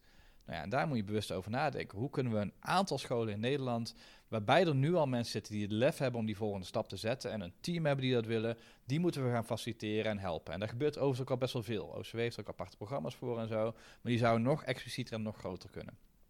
Vervolgens moet je een soort van tweede tranche hebben van mensen die gaat leren van die eerste groep. Maar die wel het lef heeft om best wel ver te gaan. Maar niet soort van de, die mentale ruimte heeft van ik durf niet helemaal zonder, zonder plaatje. Ik heb wel wat frameworks nodig. Maar als ik weet, ik ga levenslessen geven en dat doe ik het eerste half uur en zo doe ik dat ongeveer. Ik doe de eerste twee uur mentorlessen. Nou, dan gaan wij daar onze eigen variant van creëren. Nou, en vervolgens moeten er lessen uit kunnen, worden voor nou ja, het gros van de school. Die zegt, ja, wij, wij zijn nog grotendeels traditioneel. Ons team is nog niet klaar om een hele grote stap te maken. Maar we kunnen wel componenten daaruit overnemen. Nou ja, en dan denk ik dat je vanzelf ook een soort van doorontwikkeling... A, het beroep van leerkracht wordt interessanter, want dan kies je naar welk type school je gaat. En je zult uiteindelijk een verschuiving naar die eerste twee gaan zien. Maar die gaan dan ook weer het volgende hoofdstuk ontdekken. En dat is natuurlijk wel het bijzondere aan ons onderwijssysteem, dat hele decentrale systeem laat ook een soort van Darwinistische ontwikkeling toe. En dat moeten we wel voorzichtig doen, want het gaat om kinderen en dat moet je op een verantwoorde manier doen. Maar nou, er zit best wel wat ruimte in om, om dingen uit te gaan proberen. En wat dan ook voor jou als professional een vraag is, is van nou ja, dan wel zoek als ik een leerkracht of docent ben, hoeveel ruimte kan ik binnen mijn eigen klas vinden? En als je daar niet voldoende ruimte in vindt, ga alsjeblieft het onderwijssysteem niet uit, maar ga solliciteren bij een school die bij jouw wereldvisie past dan. Weet je, wij, krijgen echt uh, in tijden van leraartekort krijgen we nog steeds echt enorm veel sollicitanten. En niet iedereen matcht met dat wat we doen. Maar omdat er een belofte van een andere vorm van het vak van docent is.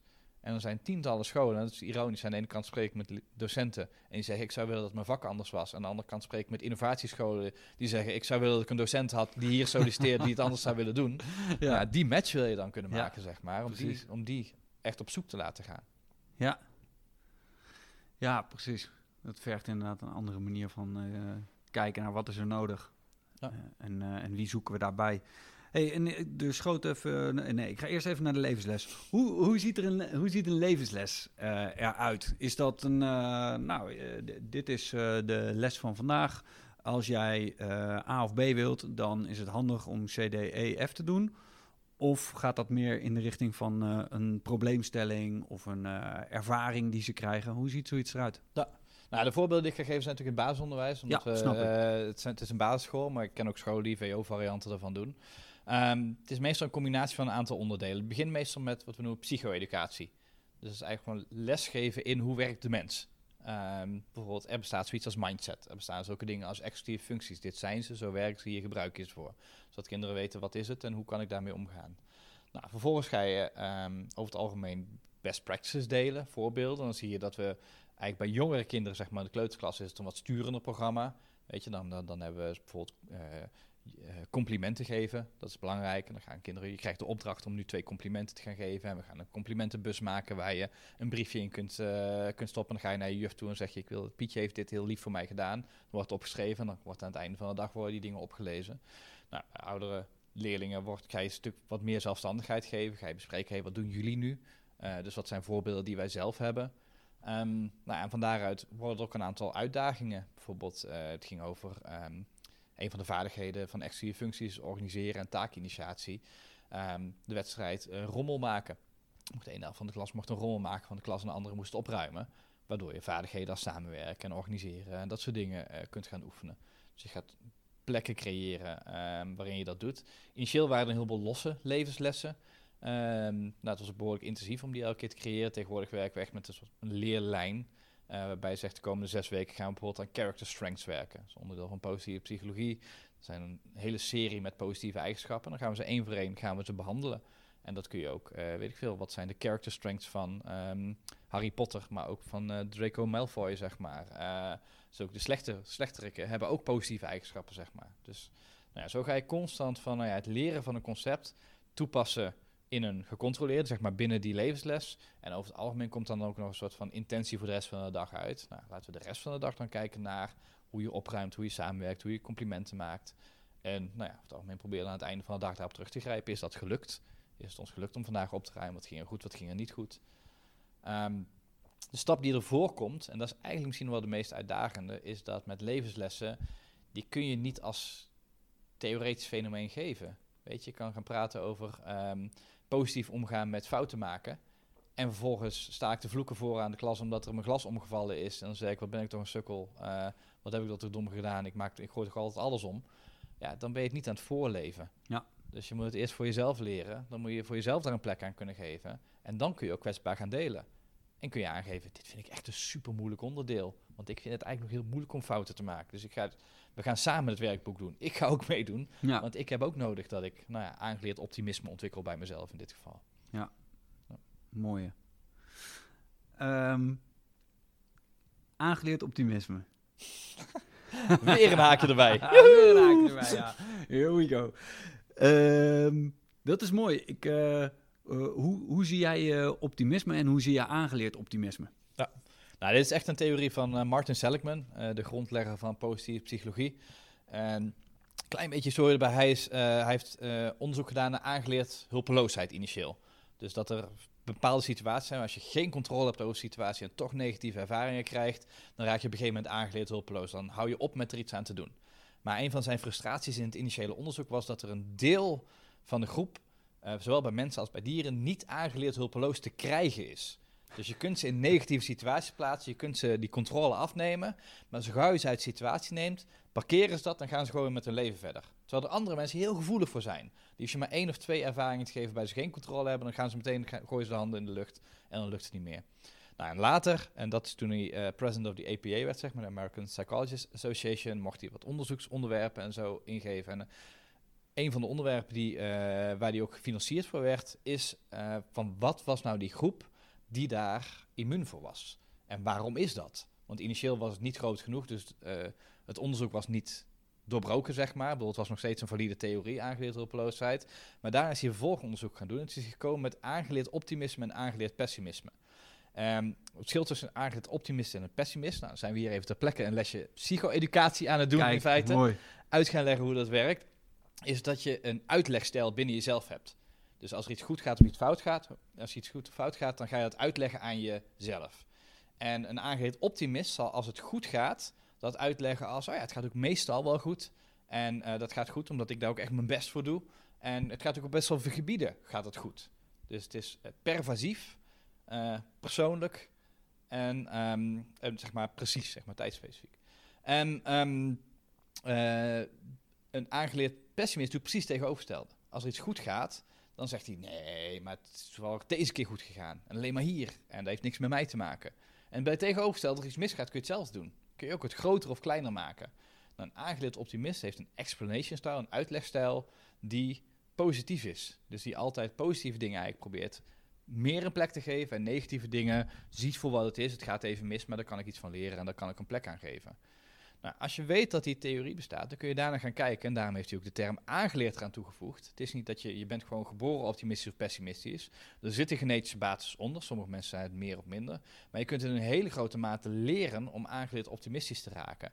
Door bijvoorbeeld actieve reflectieoefeningen te doen. Dus je gaat met leerlingen echt oefeningen doen. Nou, leg dit eens uit als een aangeleerd optimist. We hebben net geleerd wat dat is. Nou, leg het omgooien van je glas uh, eens uit als aangeleerd optimist of uit als aangeleerd pessimist. En dan leer je de relativiteit van je eigen gedachten kennen.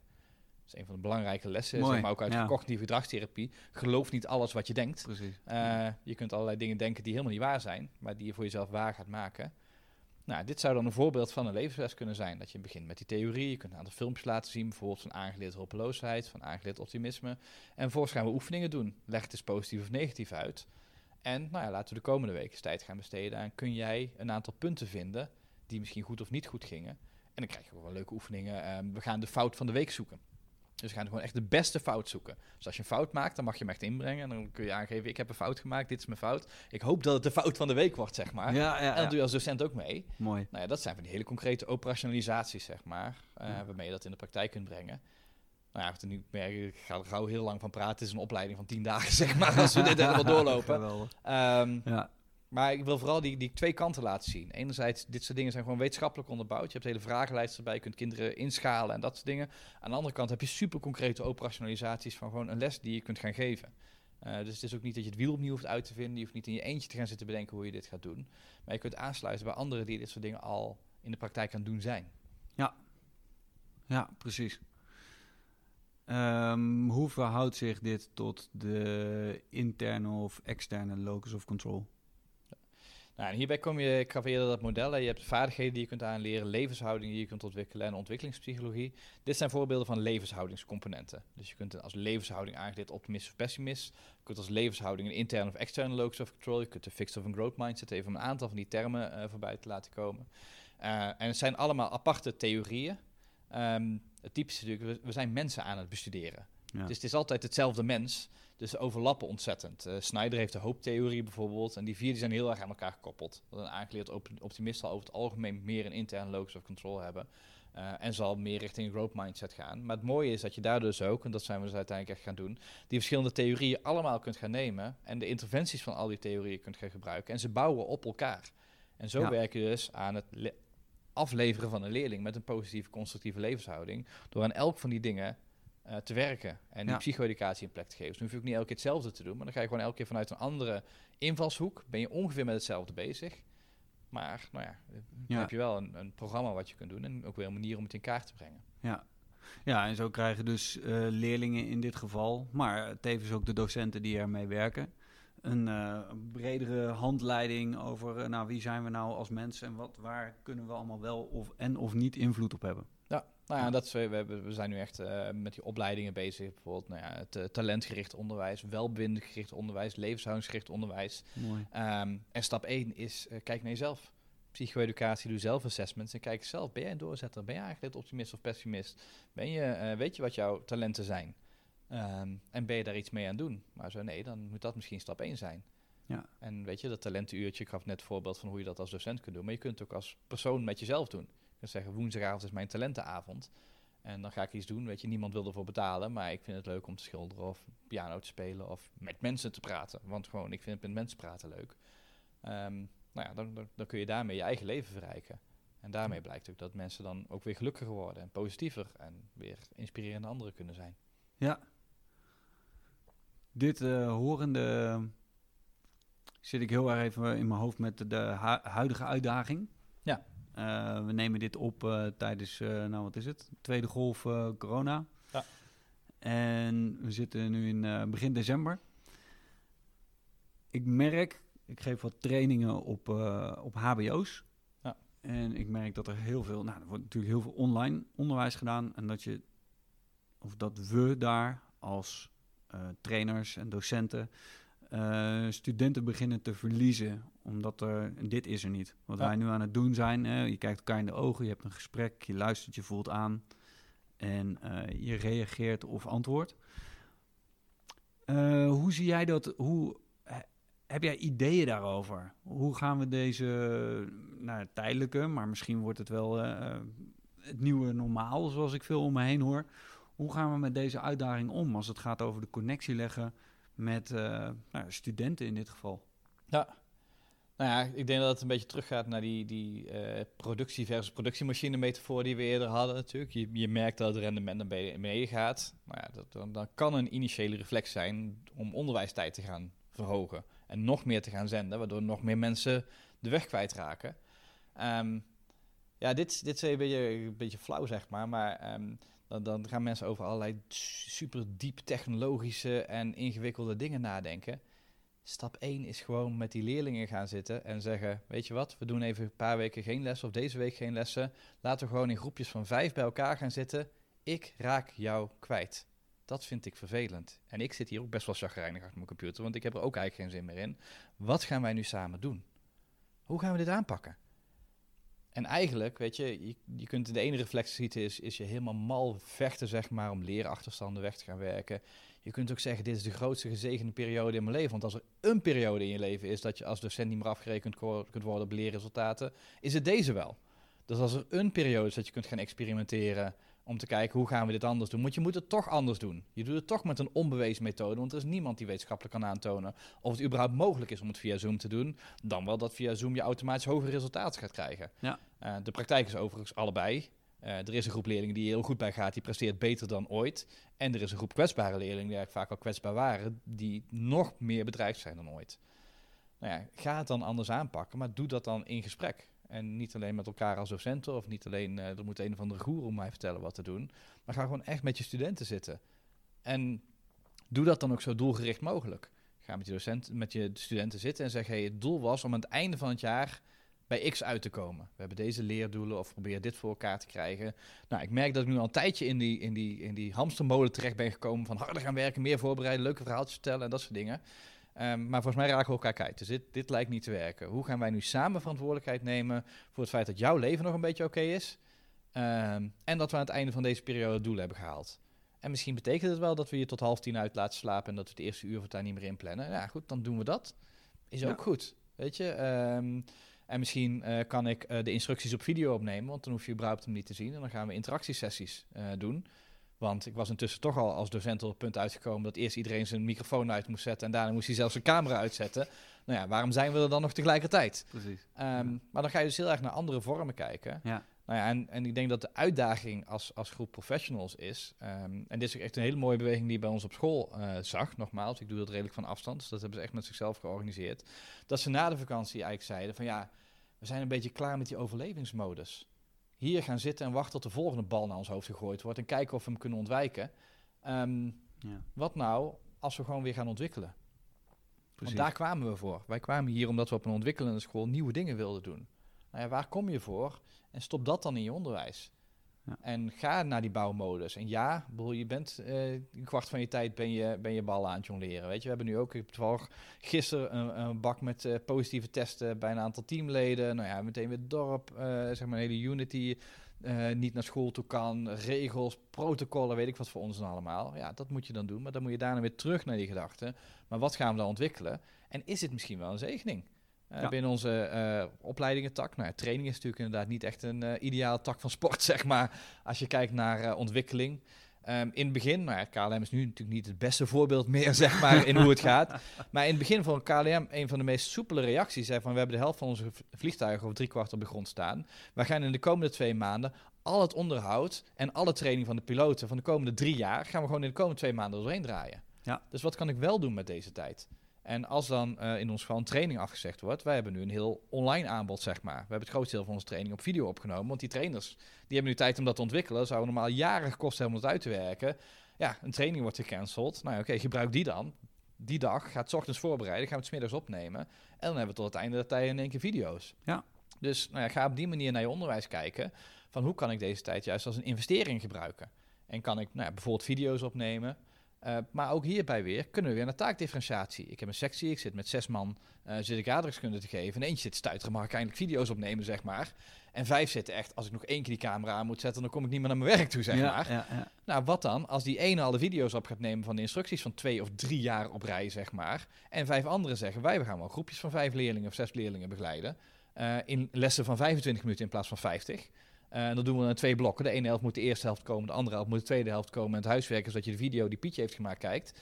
Nou, dan ben je al binnen grotendeels hetzelfde format. Dus je roostermaker hoeft nog niet overspannen te raken, zeg maar. Ja, ja. Uh, kun je toch al nieuwe dingen gaan doen. En dan denk je volgend jaar, hey, we waren eigenlijk al jaren van plan om dingen op video op te nemen. Dat hebben we nooit gedaan. Misschien moeten we die video's maar gewoon blijven gebruiken. Ja. Dus dan kun je zelfs op lange termijn er iets aan hebben. Ja. En als het je dan niet lukt om dat zelf te doen, dan moet, je, dan moet je er een van de procesbegeleider bij halen of zo. Weet je? Jij deelt allerlei verhalen, ik deel allerlei verhalen. Er zijn er heel veel mensen die hier ook bij kunnen helpen.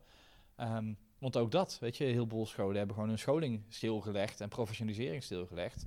Ehm, ja, daarmee gaat eigenlijk het leuke deel van die ontwikkeling gaat weg. Ja. Terwijl er ook daarin, weet je, eh, opleidingsdagen zijn we ook helemaal gaan omgooien. Dat is echt niet maar zes uur te- in Zoom tegen iemand aanpraten. Maar dat is, eh, je gaat met je hond wandelen en nadenken over dit, dit en dit. En eh, we gaan in allerlei blokken gaan we, gaan we ontwikkeling vormgeven. Want wat kun je nou wel uit deze tijd halen? Ja, heel mooi. Heel mooi. Ik, eh, bij mij komt dan heel erg naar voren, je maakt de switch eigenlijk van eh, reactief naar responsief. Dus je, in plaats van dat je inderdaad hè, er komen, je gaat zitten afwachten tot de nieuwe ballen op je afgegooid worden, ehm, geef je antwoord op de vraag die je toch al had gesteld. Hoe kunnen we dit op een nieuwe manier, andere manier of op dezelfde manier anders vormgeven? Nou ja, en de, en de vraag, ik had het net een beetje over die time management hebben. Weet je, waarom ben je docent geworden? Waarom is deze school deze school geworden? Precies. Als je dat helder hebt en je zegt we willen individuele les gaan geven, ik wil meer contact Ja. met leerlingen of dat soort dingen, dan kun je alles wat er in je leven gebeurt zien als hoe gebruiken we dit als excuus om toch meer die kant op te gaan. Ja. Weet je, oh, nou ja, goed, we hebben nu met corona hebben we achterstandmiddelen gehad en die zijn bijna beleidsarm. Je moet iets gaan doen met leerlingen om iets met achterstanden te doen. Nou, dat is altijd wel een excuus te vinden hoe dat aansluit bij dat wat jij wilde doen. En als we dan toch niet meer in dat gebouw zitten, nou ja, wat voor andere dingen kunnen we dan eh, gaan doen? Hoe kunnen we dat aanpakken? Dus hoe zie, zie- hoe zie je juist alles wat er in je gebeurt? Het is niet goed of slecht, het is. En de vraag is, zeg maar, die kaarten die je krijgt, je kunt in, in, in poker gaan spelen en dan je kaart gaan uitschelden, zeg maar. Of je kunt kijken, is er iets met deze kaarten te doen? Of, nou ja, deze hand moet ik gewoon zo snel mogelijk kwijt zien te raken en dan wacht ik op mijn volgende hand. Dan wacht ik op de volgende bal voorbij komt, waar ik misschien wel iets mee kan. Mooi metafoor. Ja. Ja. Hey, ik wil eigenlijk nog eventjes een, eh, een stap maken naar een, eh, een persoonlijk deel van jou. Hm? Hè, want we zitten nu inderdaad, eh, dat vind ik ook mooi om te doen, om inderdaad, eh, zoals ik in het begin zei, even in jouw brein te plukken als het gaat over eh, welke uitdagingen zien we voor ons. Hoe pakken jullie met eh, School of Understanding dat aan? Hoe pak jij dat aan vanuit jouw visie op onderwijs met alle kennis die je met je meedraagt? En die je dus ook continu aan het bijspijkeren bent. Want volgens mij ben jij ook continu projectmatig bezig jezelf nieuwe eh, vakjes toe te bedienen in je hoofd. Ja, het is gewoon een gra- grappig proces. Eh, we hadden net een gesprek over het schrijven van boeken. En ik heb dus een aantal boeken geschreven. En het teruglezen van mijn boeken die weet ik wel twaalf jaar geleden geschreven zijn.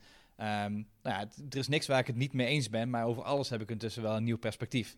Ehm, dus dat is inderdaad wel een interessante gedachteoefening. Dat houdt ook nooit op als het goed is. Nee, nou ja, exact. Exact. En eh, dan is eigenlijk de, de, sprong die ik wil maken naar, eh, je bent vader van drie dochters. Eh, met deze kijk op onderwijs en alles wat erbij komt kijken. Want het is natuurlijk helemaal niet, ehm, nou ja, ik zou bijna willen zeggen wat je... Wat wij hier als Nederlanders veel meekrijgen krijgen vanuit de Verenigde Staten is rood-blauw denken. Hè, of of eh, democratisch of republikeins en alles wat van de andere kant is, is fout of goed. En dat zie je, die polarisatie zie je hier steeds ook hè, redelijk eh, doorcijpelen. En dat zien we binnen het onderwijs natuurlijk ook. Of dit of dat. Ehm, jij bent iemand die heel erg, eh, en dan vul ik het in, hè, dus als ik ernaast zit, laat het me vooral weten. Maar jij bent iemand die niet vanuit een polariserende bril aan het kijken is, maar naar, vanuit een verbindende bril en daarin zoveel mogelijk aspecten aan het meenemen is, zonder je eigen visie op onderwijs daarin te verliezen. Ehm, hoe koppel je dat met eh, vader zijn, eh, met al deze kennis, met vader zijn van drie dochters? Ja. Welke uitdagingen kom je daarin tegen? Ja, nou ja, het, kijk, enerzijds is het een zegening eh, in de zin dat bijvoorbeeld, nou ja, mijn, mijn kinderen gaan ook naar mijn eigen school toe. Ja. Eh, dus dat is ook een bepaalde mate van congruentie in dat ik niet iets met iemand anders een kinderen aan doe, wat, wat ik niet met mijn eigen kinderen zou willen doen. Precies. Eh sterker nog, precies tegenovergesteld. Ik ben zo blij dat ze hier zitten, want dit is ook wat ik mijn eigen kinderen eh, gun. Nou ehm, aan de andere kant is het ook wel een uitdaging. Ik heb ook wel, wel nou, laten we zeggen, bijzondere modellen. Het zijn echt drie schatten van mij. Ik hou eindeloos veel van ze. Ze passen niet, nou ja, net zoals ik niet automatisch in het systeem passen, passen zij er ook niet automatisch in. Dus eh nou, eentje is eh, juist wat meer getalenteerd, maar heeft daar wat uitdagingen bij en, en zit dan op een aangepaste omgeving. Aan de andere kant, ehm, nou ja, mijn, mijn oudste dochter gaat naar het speciaal onderwijs toe. En ehm, nou ja, zijn we zelfs nu aan het kijken naar dingen als logeeropvang en zo. En nou ja, daar merk ik gewoon heel erg die, die ehm, nou ja, tw- twee dingen. De één is de uitdaging van empathie voor het systeem hebben. Want ik weet dat elke persoon waar ik mee praat gewoon ochtends wakker wordt en denk ik wil gewoon echt het beste doen. Of ik nou met een, een gemeente, eh, een gemeente hulp, jeugdhulpverlener aan het praten ben, of met een pedagoog, of met een bestuurder van een instelling waar, waar iets voor mijn dochter ingekocht wordt of zo. Ehm, ja, aan de andere kant echt een diepe frustratie dat ik denk, ja, maar het, het gaat gewoon nog niet goed. Weet je, ik heb gisteren ehm, heb ik mijn, mijn dochter uh, de eerste nacht naar de logeeropvang gebracht. En ze wilde er echt niet naartoe. Ze wilde, Mm. origineel wilde ze eigenlijk heel erg graag. En had ze heel erg veel zin in. Maar door hoe het gelopen is eh, op een aantal punten, is ze er nu in één keer bang van geworden. En nu moeten we kijken of zeg maar een tijdje gaan, of dat gaat helpen. Maar dat, dat is echt hartverscheurend als vader. Om, om je dochter die zegt, ik wil het niet en ik, ik krijg, ik krijg hier stress van. Maar ja, je weet dat er wel iets nodig is voor haar. Ehm, ja, hoe krijg je dat rond? Maar dan wel extra belast. Kijk, als ik dan nog tussen aangestekend, maar gewoon, gewoon een ouder was, zeg maar, die het systeem onderging, dan zou ik verder ook niet zo heel veel weten en denken, nou, dit is het, en hier doe je het dan maar mee. Ik weet precies hoe het werkt. Ik weet Ja. hoeveel financiering er van de gemeente naar zo'n plek toe gaat, hoeveel geld er aan uitgegeven wordt, hoeveel mensen daar zitten. En daar zit eigenlijk geen gat in. Eh, als ik weet hoeveel geld er aan uitgegeven wordt, daar zou je perfecte zorg mee kunnen organiseren. En met de mensen die er zitten, die zou je kunnen trainen om dat te kunnen doen. Maar ergens in dat systeem gaat het mis, waardoor er en een heleboel geld verdwijnt, zeg maar, in allerlei lagen, eh in allerlei stappen die inefficiënt zijn. En er zitten uiteindelijk een aantal mensen die niet de opleiding en begeleiding hebben gekregen om, om het werk te doen wat ze zouden kunnen doen. Omdat ze maar een heel klein deel van de wereld zien en dan dat stukje maar kunnen invullen. Maar ja, dat is één om daar een soort van, nou, hier zoals we doen, een filosofisch gesprek over te hebben. Maar het is een ander om, om je dochter huilend in je armen te hebben en zegt ik wil het niet. En waarbij je gewoon precies kunt aanwijzen in een soort van meta-analyse waar het gebeurd is. Maar dan gaat je dochter niet minder van huilen, zeg maar. Nee. En dat is wel, nou ja, het is echt een heel dubbel effect, zeg maar. Aan de ene kant is dat hartverscheurend. Dit is ook wel wat, wat mij elke dag het bed uit laat komen, zeg maar. Ja. En ik weet dat ik hier een bijdrage aan kan leveren. En ik weet dat ik ook dat ik dat voor een aantal kinderen ook al heb kunnen betekenen, zeg maar, met de dingen die ik op heb gezet. En dat ik mag werken met teams die daar een verschil in kunnen maken. Ehm, ja, goed, en het is wel een, een luikje waar je echt mee moet uitkijken. Want als ik, als ik dat te lang open laat zitten, dan, dan zit ik weer, weer depressief uit het raam te kijken, zeg maar. Ja. Ehm, en dan moet ik mezelf constant weer uitdagen om naar die vraag van, ja, kunnen beter iets doen en het uit gaan proberen. Ehm, maar dit is ook waarom het zo fundamenteel is, zeg maar. Het is niet gewoon een soort van, nou ja, dit is mijn werk en eh, Nee. daarna sluit het af. Maar is dat je gewoon echt weet dat je zo'n fundamenteel, en dat we met z'n allen zo'n fundamenteel verschil kunnen maken. En dat is wel een van de dingen waar, ehm, waar ik het idee heb dat dat wel, dat is een moeilijke verantwoordelijkheid om mee te leven. Dat is ook een van de redenen waarom het systeem is wat het is. Eh, het is veiliger om gewoon te accepteren, het systeem is wat het is en ik vul de rol in die mij gegeven is. En dat je echt gaat zitten en 's ochtends wakker wordt en denkt: Oké, ik heb vandaag 30 kinderen tegenover me en ik ben mede verantwoordelijk voor de toekomst van deze kinderen. En elke keuze die ik maak, eh, het geven van de les die in het boek staat, of het kiezen om niet die les te geven, de keuze om de verbinding aan te gaan en te kiezen om gewoon een week lang geen les te geven, of de keuze om niet de verbinding aan te gaan en een kwartaal lang zonder verbinding les te geven, dat is mijn verantwoordelijkheid en ik moet als professional moet die verantwoordelijkheid een plek kunnen geven in acties die ik neem. Nou ja, dat, dat is, als je er echt over gaat nadenken, zo'n belachelijk grote opdracht, Ja. dat dat echt heel erg spannend is. Ja. En dat is voor een professional spannend, dat is voor een bestuurder nog veel spannender, want het gaat en ik over een heleboel mensen. Aan de andere kant mag dat ons niet laten verlammen om, om, om die missie na te blijven streven. Om te bedenken van ja, goed, eh, ik wil niet heel onaardig doen over het huidige systeem, maar daar zit al behoorlijk wat snijverlies in, zeg maar. Daar gaan al een heleboel dingen niet zo goed, ondanks de beste intenties van iedereen. Ja. Dus ik denk dat als we veel meer naar die eigenaarschap en, en nou ja, misschien een beetje een gek woord, maar vanuit liefde en verbinding ehm, onze onderwijstaken invullen, dat we allemaal beter af zijn. En dan, dan moet het centraal eindexamen misschien maar het raam, uit. Ehm, maar ik denk dat we er als mensen met z'n allen beter uitkomen. En dus ook, weet je, constant die perspectief. Wat wil ik dat het onderwijssysteem is? Ik maak me echt zorgen over mijn dochters. En even los van het feit, ook als het goed met ze gaat en ze zich gewoon ontwikkelen. En dan, dan vind ik dat ze echt een hele spannende toekomst tegemoet gaan. En dan vraag ik me echt sterk af of ze daarop voorbereid zijn. Ja. En een beetje, een beetje een extreem metafoor misschien. Maar op een gegeven moment was ik, ik een van de boeken waar ik die ik aan het schrijven ben, was ik het voorwoord aan het schrijven. En ik kwam een beetje met een metafoor. Je hebt de Hunger Games misschien wel gezien, hè, die film. Zeker. En nou ja, daar, heb je, daar heb je een soort van nou ja, een dystopiaanse wereld. waarin eh, mensen in een arena moeten vechten. En ze komen uit verschillende gebieden. En sommige gebieden zijn voorbereid op het feit dat ze in een arena moeten gaan vechten. En sommige hebben de ruimte niet om zich voor te bereiden. En daar merk je dus ook het verschil. Degenen die zich voorbereid hebben op die arena, die komen er over het algemeen vrij goed uit. En degenen die niet de ruimte hebben om zich voor te bereiden, die, die hebben wel echt een uitdaging. Ja, en zo kijk ik bijna naar het onderwijssysteem. Van, ja, er komt echt een arena aan. Als kunstmatige intelligentie banen gaat weghalen. Als we zien hoe heftig het in Amerika gaat. Als dat een preview of coming attractions in Europa is. En op een aantal punten zien we wel dat het misschien zo zou kunnen zijn. Bedoel, als je vanuit geschiedkundig perspectief kijkt, ben je, ben je denk vrij naïef als je denkt dat we hier zeilend doorheen gaan. Precies. Um, nou, dan, dan komt, komt er misschien niet een fysieke levens- of doods uh, arena aan, maar toch wel eentje die minimaal uh, moreel, sociaal, antropologisch uh, heftige stappen gaat laten zijn. Ja, daar we hebben een systeem dat we bijna 25 jaar lang een positieve invloed mogen uitvoeren, uitoefenen op de mensen die de keuzes daar mogen gaan maken en die die nieuwe stappen in mogen gaan zetten. Nou ja, het is voor mij zo'n no-brainer dat je daar je tijd aan zou moeten besteden om dat dan te doen op die manier. Ja, helemaal mee eens. Mooi gesproken ook. Um, misschien is het goed om vanuit hier eens te gaan kijken naar de, uh, ik noemde hem aan het begin, of jij noemde hem eigenlijk aan het begin al, uh, de call to action voor, oké, stel ik zit in die beroepspraktijk en je hebt net een aantal dingen genoemd, bijvoorbeeld kijken naar die hand met kaarten in plaats van te schelden op de kaarten, maar daar wat mee te doen.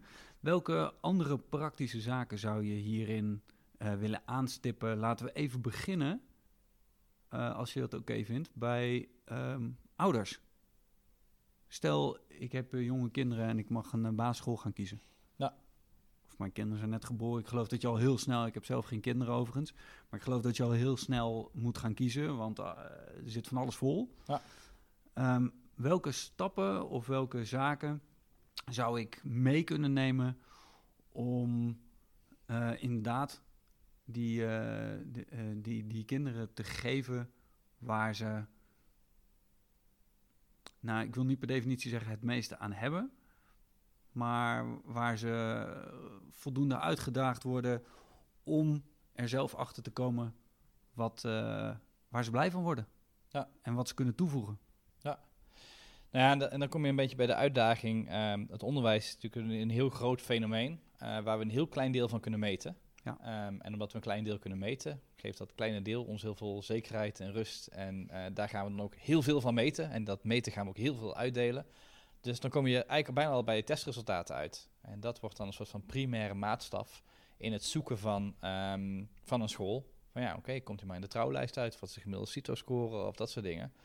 Um, ja, terwijl ik denk dat je als ouders, daar zul je ook echt samen voor moeten gaan zitten, is van nou, wat, wat is ons mensbeeld? Wat is ons wereldbeeld? En hoe kijken we naar de wereld en hoe willen we dat onze kinderen eruit komen? En dan echt een soort van begin met die end, with the end in mind. Hoe zou ik willen dat mijn kind even heel, heel groot als je een kleine gup van één rond hebt lopen, kan ik zeggen. Maar uh, wat, wat voor 18-jarige wil ik eruit halen? Want de eerste keuzes uh, maken daar wel iets in uit. En de neiging is, wat ik altijd ironisch vind, is dat um, in de basisschool wordt er gezegd, ja, weet je, we kunnen niet altijd veel tijd besteden ook aan bijvoorbeeld levenshouding en dat soort dingen. Uh, en het is eigenlijk ook nog te vroeg, ze zijn nog te jong. En als ik dan volgens in het VO erover begin, zeg je, ja, het is eigenlijk al te laat. Want die basis is ja, al gelegd, ja, zeg maar. dus je kunt eigenlijk nooit vroeg genoeg beginnen. Um, En voor mij is, is um, ik ga je dan vervolgens kijken, maar hoe ziet dat eruit? Als je zegt, ik wil zelfstandige kinderen hebben, uh, dat vind ik belangrijk. Zelfstandigheid is een hoge waarde. Dan ga je kijken op een school van, zie ik zelfstandigheid daar terugkomen? En vraag er ook naar. Weet je, ik bedoel, zeker professionals. Als je gewend bent sollicitatiegesprekken te doen, nou, dit is een mooi moment. Wat wil je zien? En hoe heb je dat in het verleden gedaan? En hoe zie ik dat nu in de praktijk terug? Uh, hetzelfde model. Dus als het zelfstandigheid is, gaat het over empathie, gaat het over uh, zelfredzaamheid, gaat het over talenten leren kennen. Wat zijn die factoren die belangrijk zijn?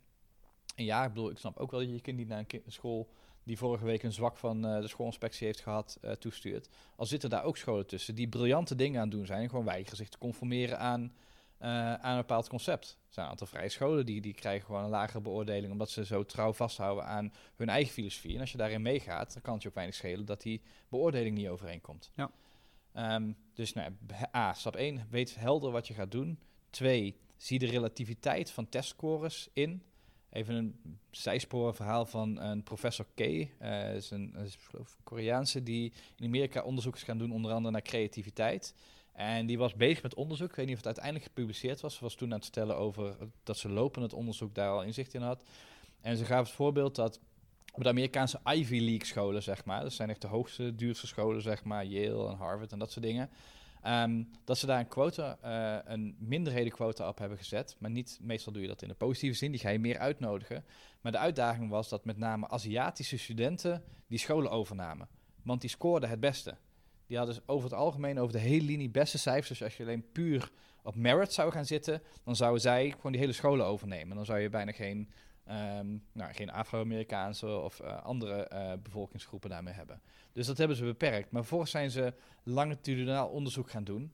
En dan blijkt dat um, die Aziatische studenten scoorden het beste door de hele schoolcarrière heen. Deden het ook het beste op die Ivy League scholen. En waren de minst gepromoveerde werknemers op de werkplek waar ze terechtkwamen. Ja. Dus ze, ze, deden het het beste in de definitie van het schoolsysteem. Ja. Dus binnen die testcultuur en reproductie en dat soort dingen, daar scoren ze heel hoog. Maar uiteindelijk in de dag-tot-dag operatie van uh, ik doe een baan en ik word wel of niet gepromoveerd, scoren ze ook lager, zelfs dan het Afrikaanse-Amerikaanse publiek. Um, wat dus ook zegt dat het niet per se een discriminatiefenomeen was, maar echt een specifieke bevolkingsgroep um, fenomeen is. Nou ja, het is heel moeilijk, eindeloos correlatiediscussies en dat soort wetenschappelijke punten. Maar ik vond het wel een interessant uitgangspunt, zeg maar, filosofisch. Van, is succesvol zijn op school hetzelfde als succesvol zijn in het leven? En volgens mij kunnen we redelijk vaststellen dat het niet altijd zo is. Een 550 in je CITO betekent niet dat je gelukkig gaat zijn. Een, een, een 8,9 zeg maar op je centraal eindexamen over de hele linie betekent niet eens dat je competent bent uh, in een heleboel beroepsgroepen, zeg maar.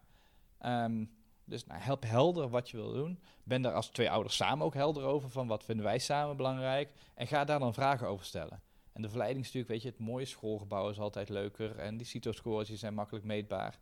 Maar ik denk dat het beter is om een gesprek te hebben over, weet je, wat, um, uh, wat vind ik belangrijk, zelfstandigheid, hoe zie ik dat terug?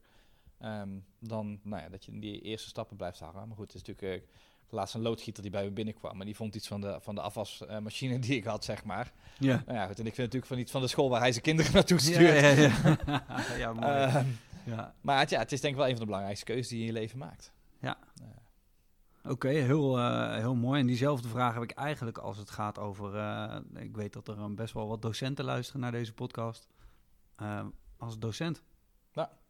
Nou, laat ik, het, het drie verschillende perspectieven aangeven. Um, de eerste uh, is, uh, laat je niet overweldigen. Ik bedoel, je kunt naar dit verhaal gaan luisteren. Je kunt er nog 16 keer naar luisteren. En dan heb je een to-do-list voor de rest van je leven om dat uh, een plek te gaan geven. Weet je, ik ga hier ook nooit klaar mee zijn. Dus laat je niet overweldigen, maar ga kleine dingen doen. Um, weet je, dat kan gewoon zijn, ik, ik doe elke week een experiment. Of ik heb elk kwartaal heb ik één doel van iets wat ik wil ontwikkelen. Maar kom terug in ontwikkeling als docent. Ja. Doe dat helemaal binnen je eigen cirkel van invloed en controle. Jij doet de deur achter jezelf dicht. Uh, maar ook als schoolleider, jij bent verantwoordelijk voor jouw school of als bestuurder voor je bestuur. Ga binnen je eigen domein kijken wat zijn stappen die je kan zetten en um, een ontwikkeling die je kan maken. De tweede um, is pak het tegelijkertijd groter aan. Er is de mogelijkheid om het groter te doen. Vanuit OCW hebben we bijvoorbeeld verschillende subsidies. Je hebt het schoolleidersontwikkelfonds, je hebt het uh, leerkracht- of leraarontwikkelfonds. Uh, je hebt nu ook schoolkrachtsubsidie om je schoolontwikkeling uh, door te maken. Relatief makkelijk aan te vragen. En dan kun je gewoon echt een budget krijgen waarin je vrijgeroosterd kunt worden, geld kunt krijgen om scholing in te kopen en dat soort dingen. Om daadwerkelijk aan de slag te gaan met die, uh, met die innovatie. En dan kun je een groter project aanpakken. Dan kun je echt de komende 1, 2, 3 jaar aan de slag gaan. Kun je een opleiding gaan doen of kun je iets gaan doen om daar een grotere stap in te maken. Um, de derde die ik echt, waar ik toe zou willen uitnodigen is, sluit aan bij praktijk die al werkt. Uh, bijna elke innovatieschool die ik ken, wij ook, uh, geven inspiratiedagen, ochtenden, weet ik wat. Dus ga daar gewoon een rondleiding halen. En altijd, bijna alles zijn die mensen open van, ja, hoe kan ik dit in mijn omgeving toepassen? Um, maar het kan ook zijn, weet je, wij zijn uh, de levensles challenge begonnen. Weet je, www.levensleschallenge.nl, wat gewoon een website is. En dan krijg je 20 levenslessen. Gewoon om in de praktijk te gaan brengen. Dus ga ergens naartoe waar dit al gedaan wordt, want daar kun je het snelste van leren. Exact. Nou, als ik dan nog één laatste, dan ga ik toch nog een vierde eraan toevoegen. Um, ga werken op een plek die aansluit bij jouw ambities. Als jij mega innovatief bent en je zit op een super conservatieve school, dan kun je als missie hebben om alle 139 anderen te overtuigen van het feit dat ze jouw aanpak moeten hebben. Uh, misschien kun je beter naar een andere plek toe gaan waar mensen dat doen. Of misschien zit je op een innovatieschool en vind je het allemaal veel te spannend. Nou, dan is er ergens wel een conservatieve school die super gelukkig met je zou zijn om gewoon in kleinere stapjes volgende ontwikkelingen door te maken. En geen van die twee is slecht. Het is niet dat die, ik, je zou het idee kunnen hebben dat als je mij hoort praten, dat, dat ik alleen die innovatoren leuk vind of belangrijk vind. Als we onderwijs in Nederland alleen maar zouden vullen met innovatoren, dan zou het één grote puinhoop worden. Zou echt niemand gelukkig van worden. Dus juist die mix en iedereen laten doen wat hij wil doen, die zo waardevol is. Wauw, heel mooi. Ik denk dat, uh, dat hier voor iedereen echt wel uh, hele mooie nuggets in zitten. Um, stel, ik luister hiernaar en ik heb een paar keer uh, de naam Frank gehoord. En dat triggert bij mij persoonlijk ook iets. Dat ik denk, nou, niet de naam, maar ja. waar die voor staat. Hè? Het mentorfiguur.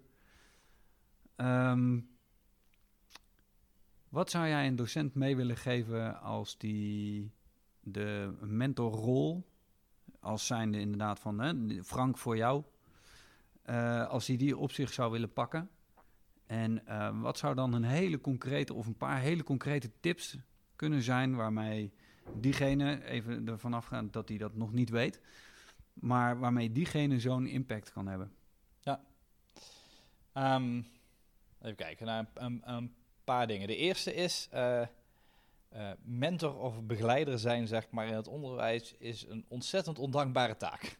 Uh, want deze taak kun je niet uitvoeren met het idee dat je het bedankje gaat krijgen van de plek waar je de energie in gestopt hebt. Uh, zeker in de middelbare school natuurlijk, als je pubers gaat coachen, dat als je dat doet tot op het moment dat ze zeggen, ik heb het licht gezien, meester, uh, en u heeft dat mij gegeven, dan heb je een hele lange carrière te gaan. Dus je moet een, een manier vinden om je, uh, je zelfwaardering en, en, en je succes niet af te laten hangen van wat je leerlingen doet, maar hoe je daar zelf in staat. Ja. Is het congruent met wie je bent? De tweede is, eh, maak het niet te groot. Uh, we kunnen er hele grote dingen van maken, maar het is zien dat een leerling op een of andere manier niet helemaal oké is. En gewoon zeggen, hey, zullen we een rondje gaan lopen tijdens de pauze? Weet je, ik moet toch mijn boterham opeten, jij moet je boterham opeten, zullen we dat lopend doen? Um, dus maak het niet te groot en dat kan ook nog een aantal keer terugkomen. Het belangrijkste, uh, ik zat toevallig uh, bij een vriend van me die ook in het onderwijs uh, zit. Dat ik laatste gesprek had ik mee en toen kwam zijn dochter erbij van, van 15. En die was uh, met enthousiasme een verhaal aan het stellen over de school. En toen gingen we er helemaal uithoren over, nou ja, wat was je favoriete leraar en wat was je ja, ja. minst favoriete leraar. En ja, waar zij toch ook elke keer weer op terugkwam, was die verbinding. Uh, we praten met elkaar, weet je, deze docent die vertelde over zijn eigen fietsvakantie, zeg maar. Waarom was je enthousiast over zijn aardrijkskundelessen? Elke les begon met een foto van hem met zijn fiets, een helm op en zijn vrouw naast hem. Bovenop weet ik waar we het deze keer over zouden hebben. Ja, gaaf. Um, dus ja, die, die verbinding, zeg maar, aan zich, het feit dat je gezien wordt. Um, de aanvulling daarna is waar we het eigenlijk net over hadden, is dat we de, neiging hebben om het allemaal in moeilijke technieken uh, te zoeken. Gewoon benoemen waar je nu bent. Ik zit tegenover je en ik weet niet hoe ik me met je kan verbinden. Weet je, door dat door te erkennen. Weet je, je hoeft niet de grote goeroe te zijn die altijd de briljante vraag stelt waardoor het licht gezien wordt. Het is samen zitten en dan kan het antwoord zijn, we weten het niet. Ik weet het ook niet. Nou, laten we het dan samen gewoon even niet weten. Ja. En misschien vaststellen dat het echt best wel kloot is. Ik zie dat het niet goed met je gaat. Ik maak me zorgen om je en ik weet echt niet wat ik moet doen. Ja. Weet je? Daar zit een stuk kwetsbaarheid, hè? Tonen. En weet, weet dat je me kunt vinden. Weet, ja. je? weet dat ik er, uh, weet ik er voorbij, voor je ben. Je mag altijd bij me terugkomen. Uh, ook als het niet goed is, kan een soort van safe space voor je creëren. Ja. En natuurlijk, de andere kant is, ja, je kunt er ook een heleboel over leren. Bedoel, op een gegeven moment zijn we, zijn we trainingen, uh, coaching uh, voor mentoren gaan ontwikkelen. want ja, er zijn ook wel technieken. Er zijn vragen die vaak meer effect hebben dan andere. Er zijn best practices die je kent die beter helpen dan andere. En over het algemeen, trouwens, interessant, gaat twee kanten op. de ene kant is de vaardigheid van het betere leren verbinden. dus hoe kun je dat nou doen? En zeker inderdaad met een leeftijdsgrad en dat soort dingen. De andere kant is hoe kun je beter provoceren. Uh, we zijn een beetje te soft over het algemeen met kinderen, alsof het soort van porseleinen beeldjes zijn. Uh, juist af en toe eens een keer een flinke tik uitdelen, zeg maar. Zorg dat je er al bijna nog wakker in de wedstrijd zit. Um, dus nou ja, dat zijn natuurlijk wel leuke dingen om ook mee, uh, mee te experimenteren. Um, ja. Ook, ik geloof dat, ik weet niet meer wie was, heeft een boek geschreven, Provocatief coachen voor docenten. Ontzettend leuk ja, boek om te lezen, waar gewoon hele praktische tips in staan. Ja. Gaaf. Hey, volgens mij, uh, ja, ik heb nog heel veel andere vragen, maar het, li het, lijkt me heel fijn als we hier nog een keertje in de toekomst op uh, verder uh, praten, als jij daar ook voor open staat. Lijkt me altijd alleen maar leuk, weet je, hoe meer hoe beter. gaaf, heel gaaf.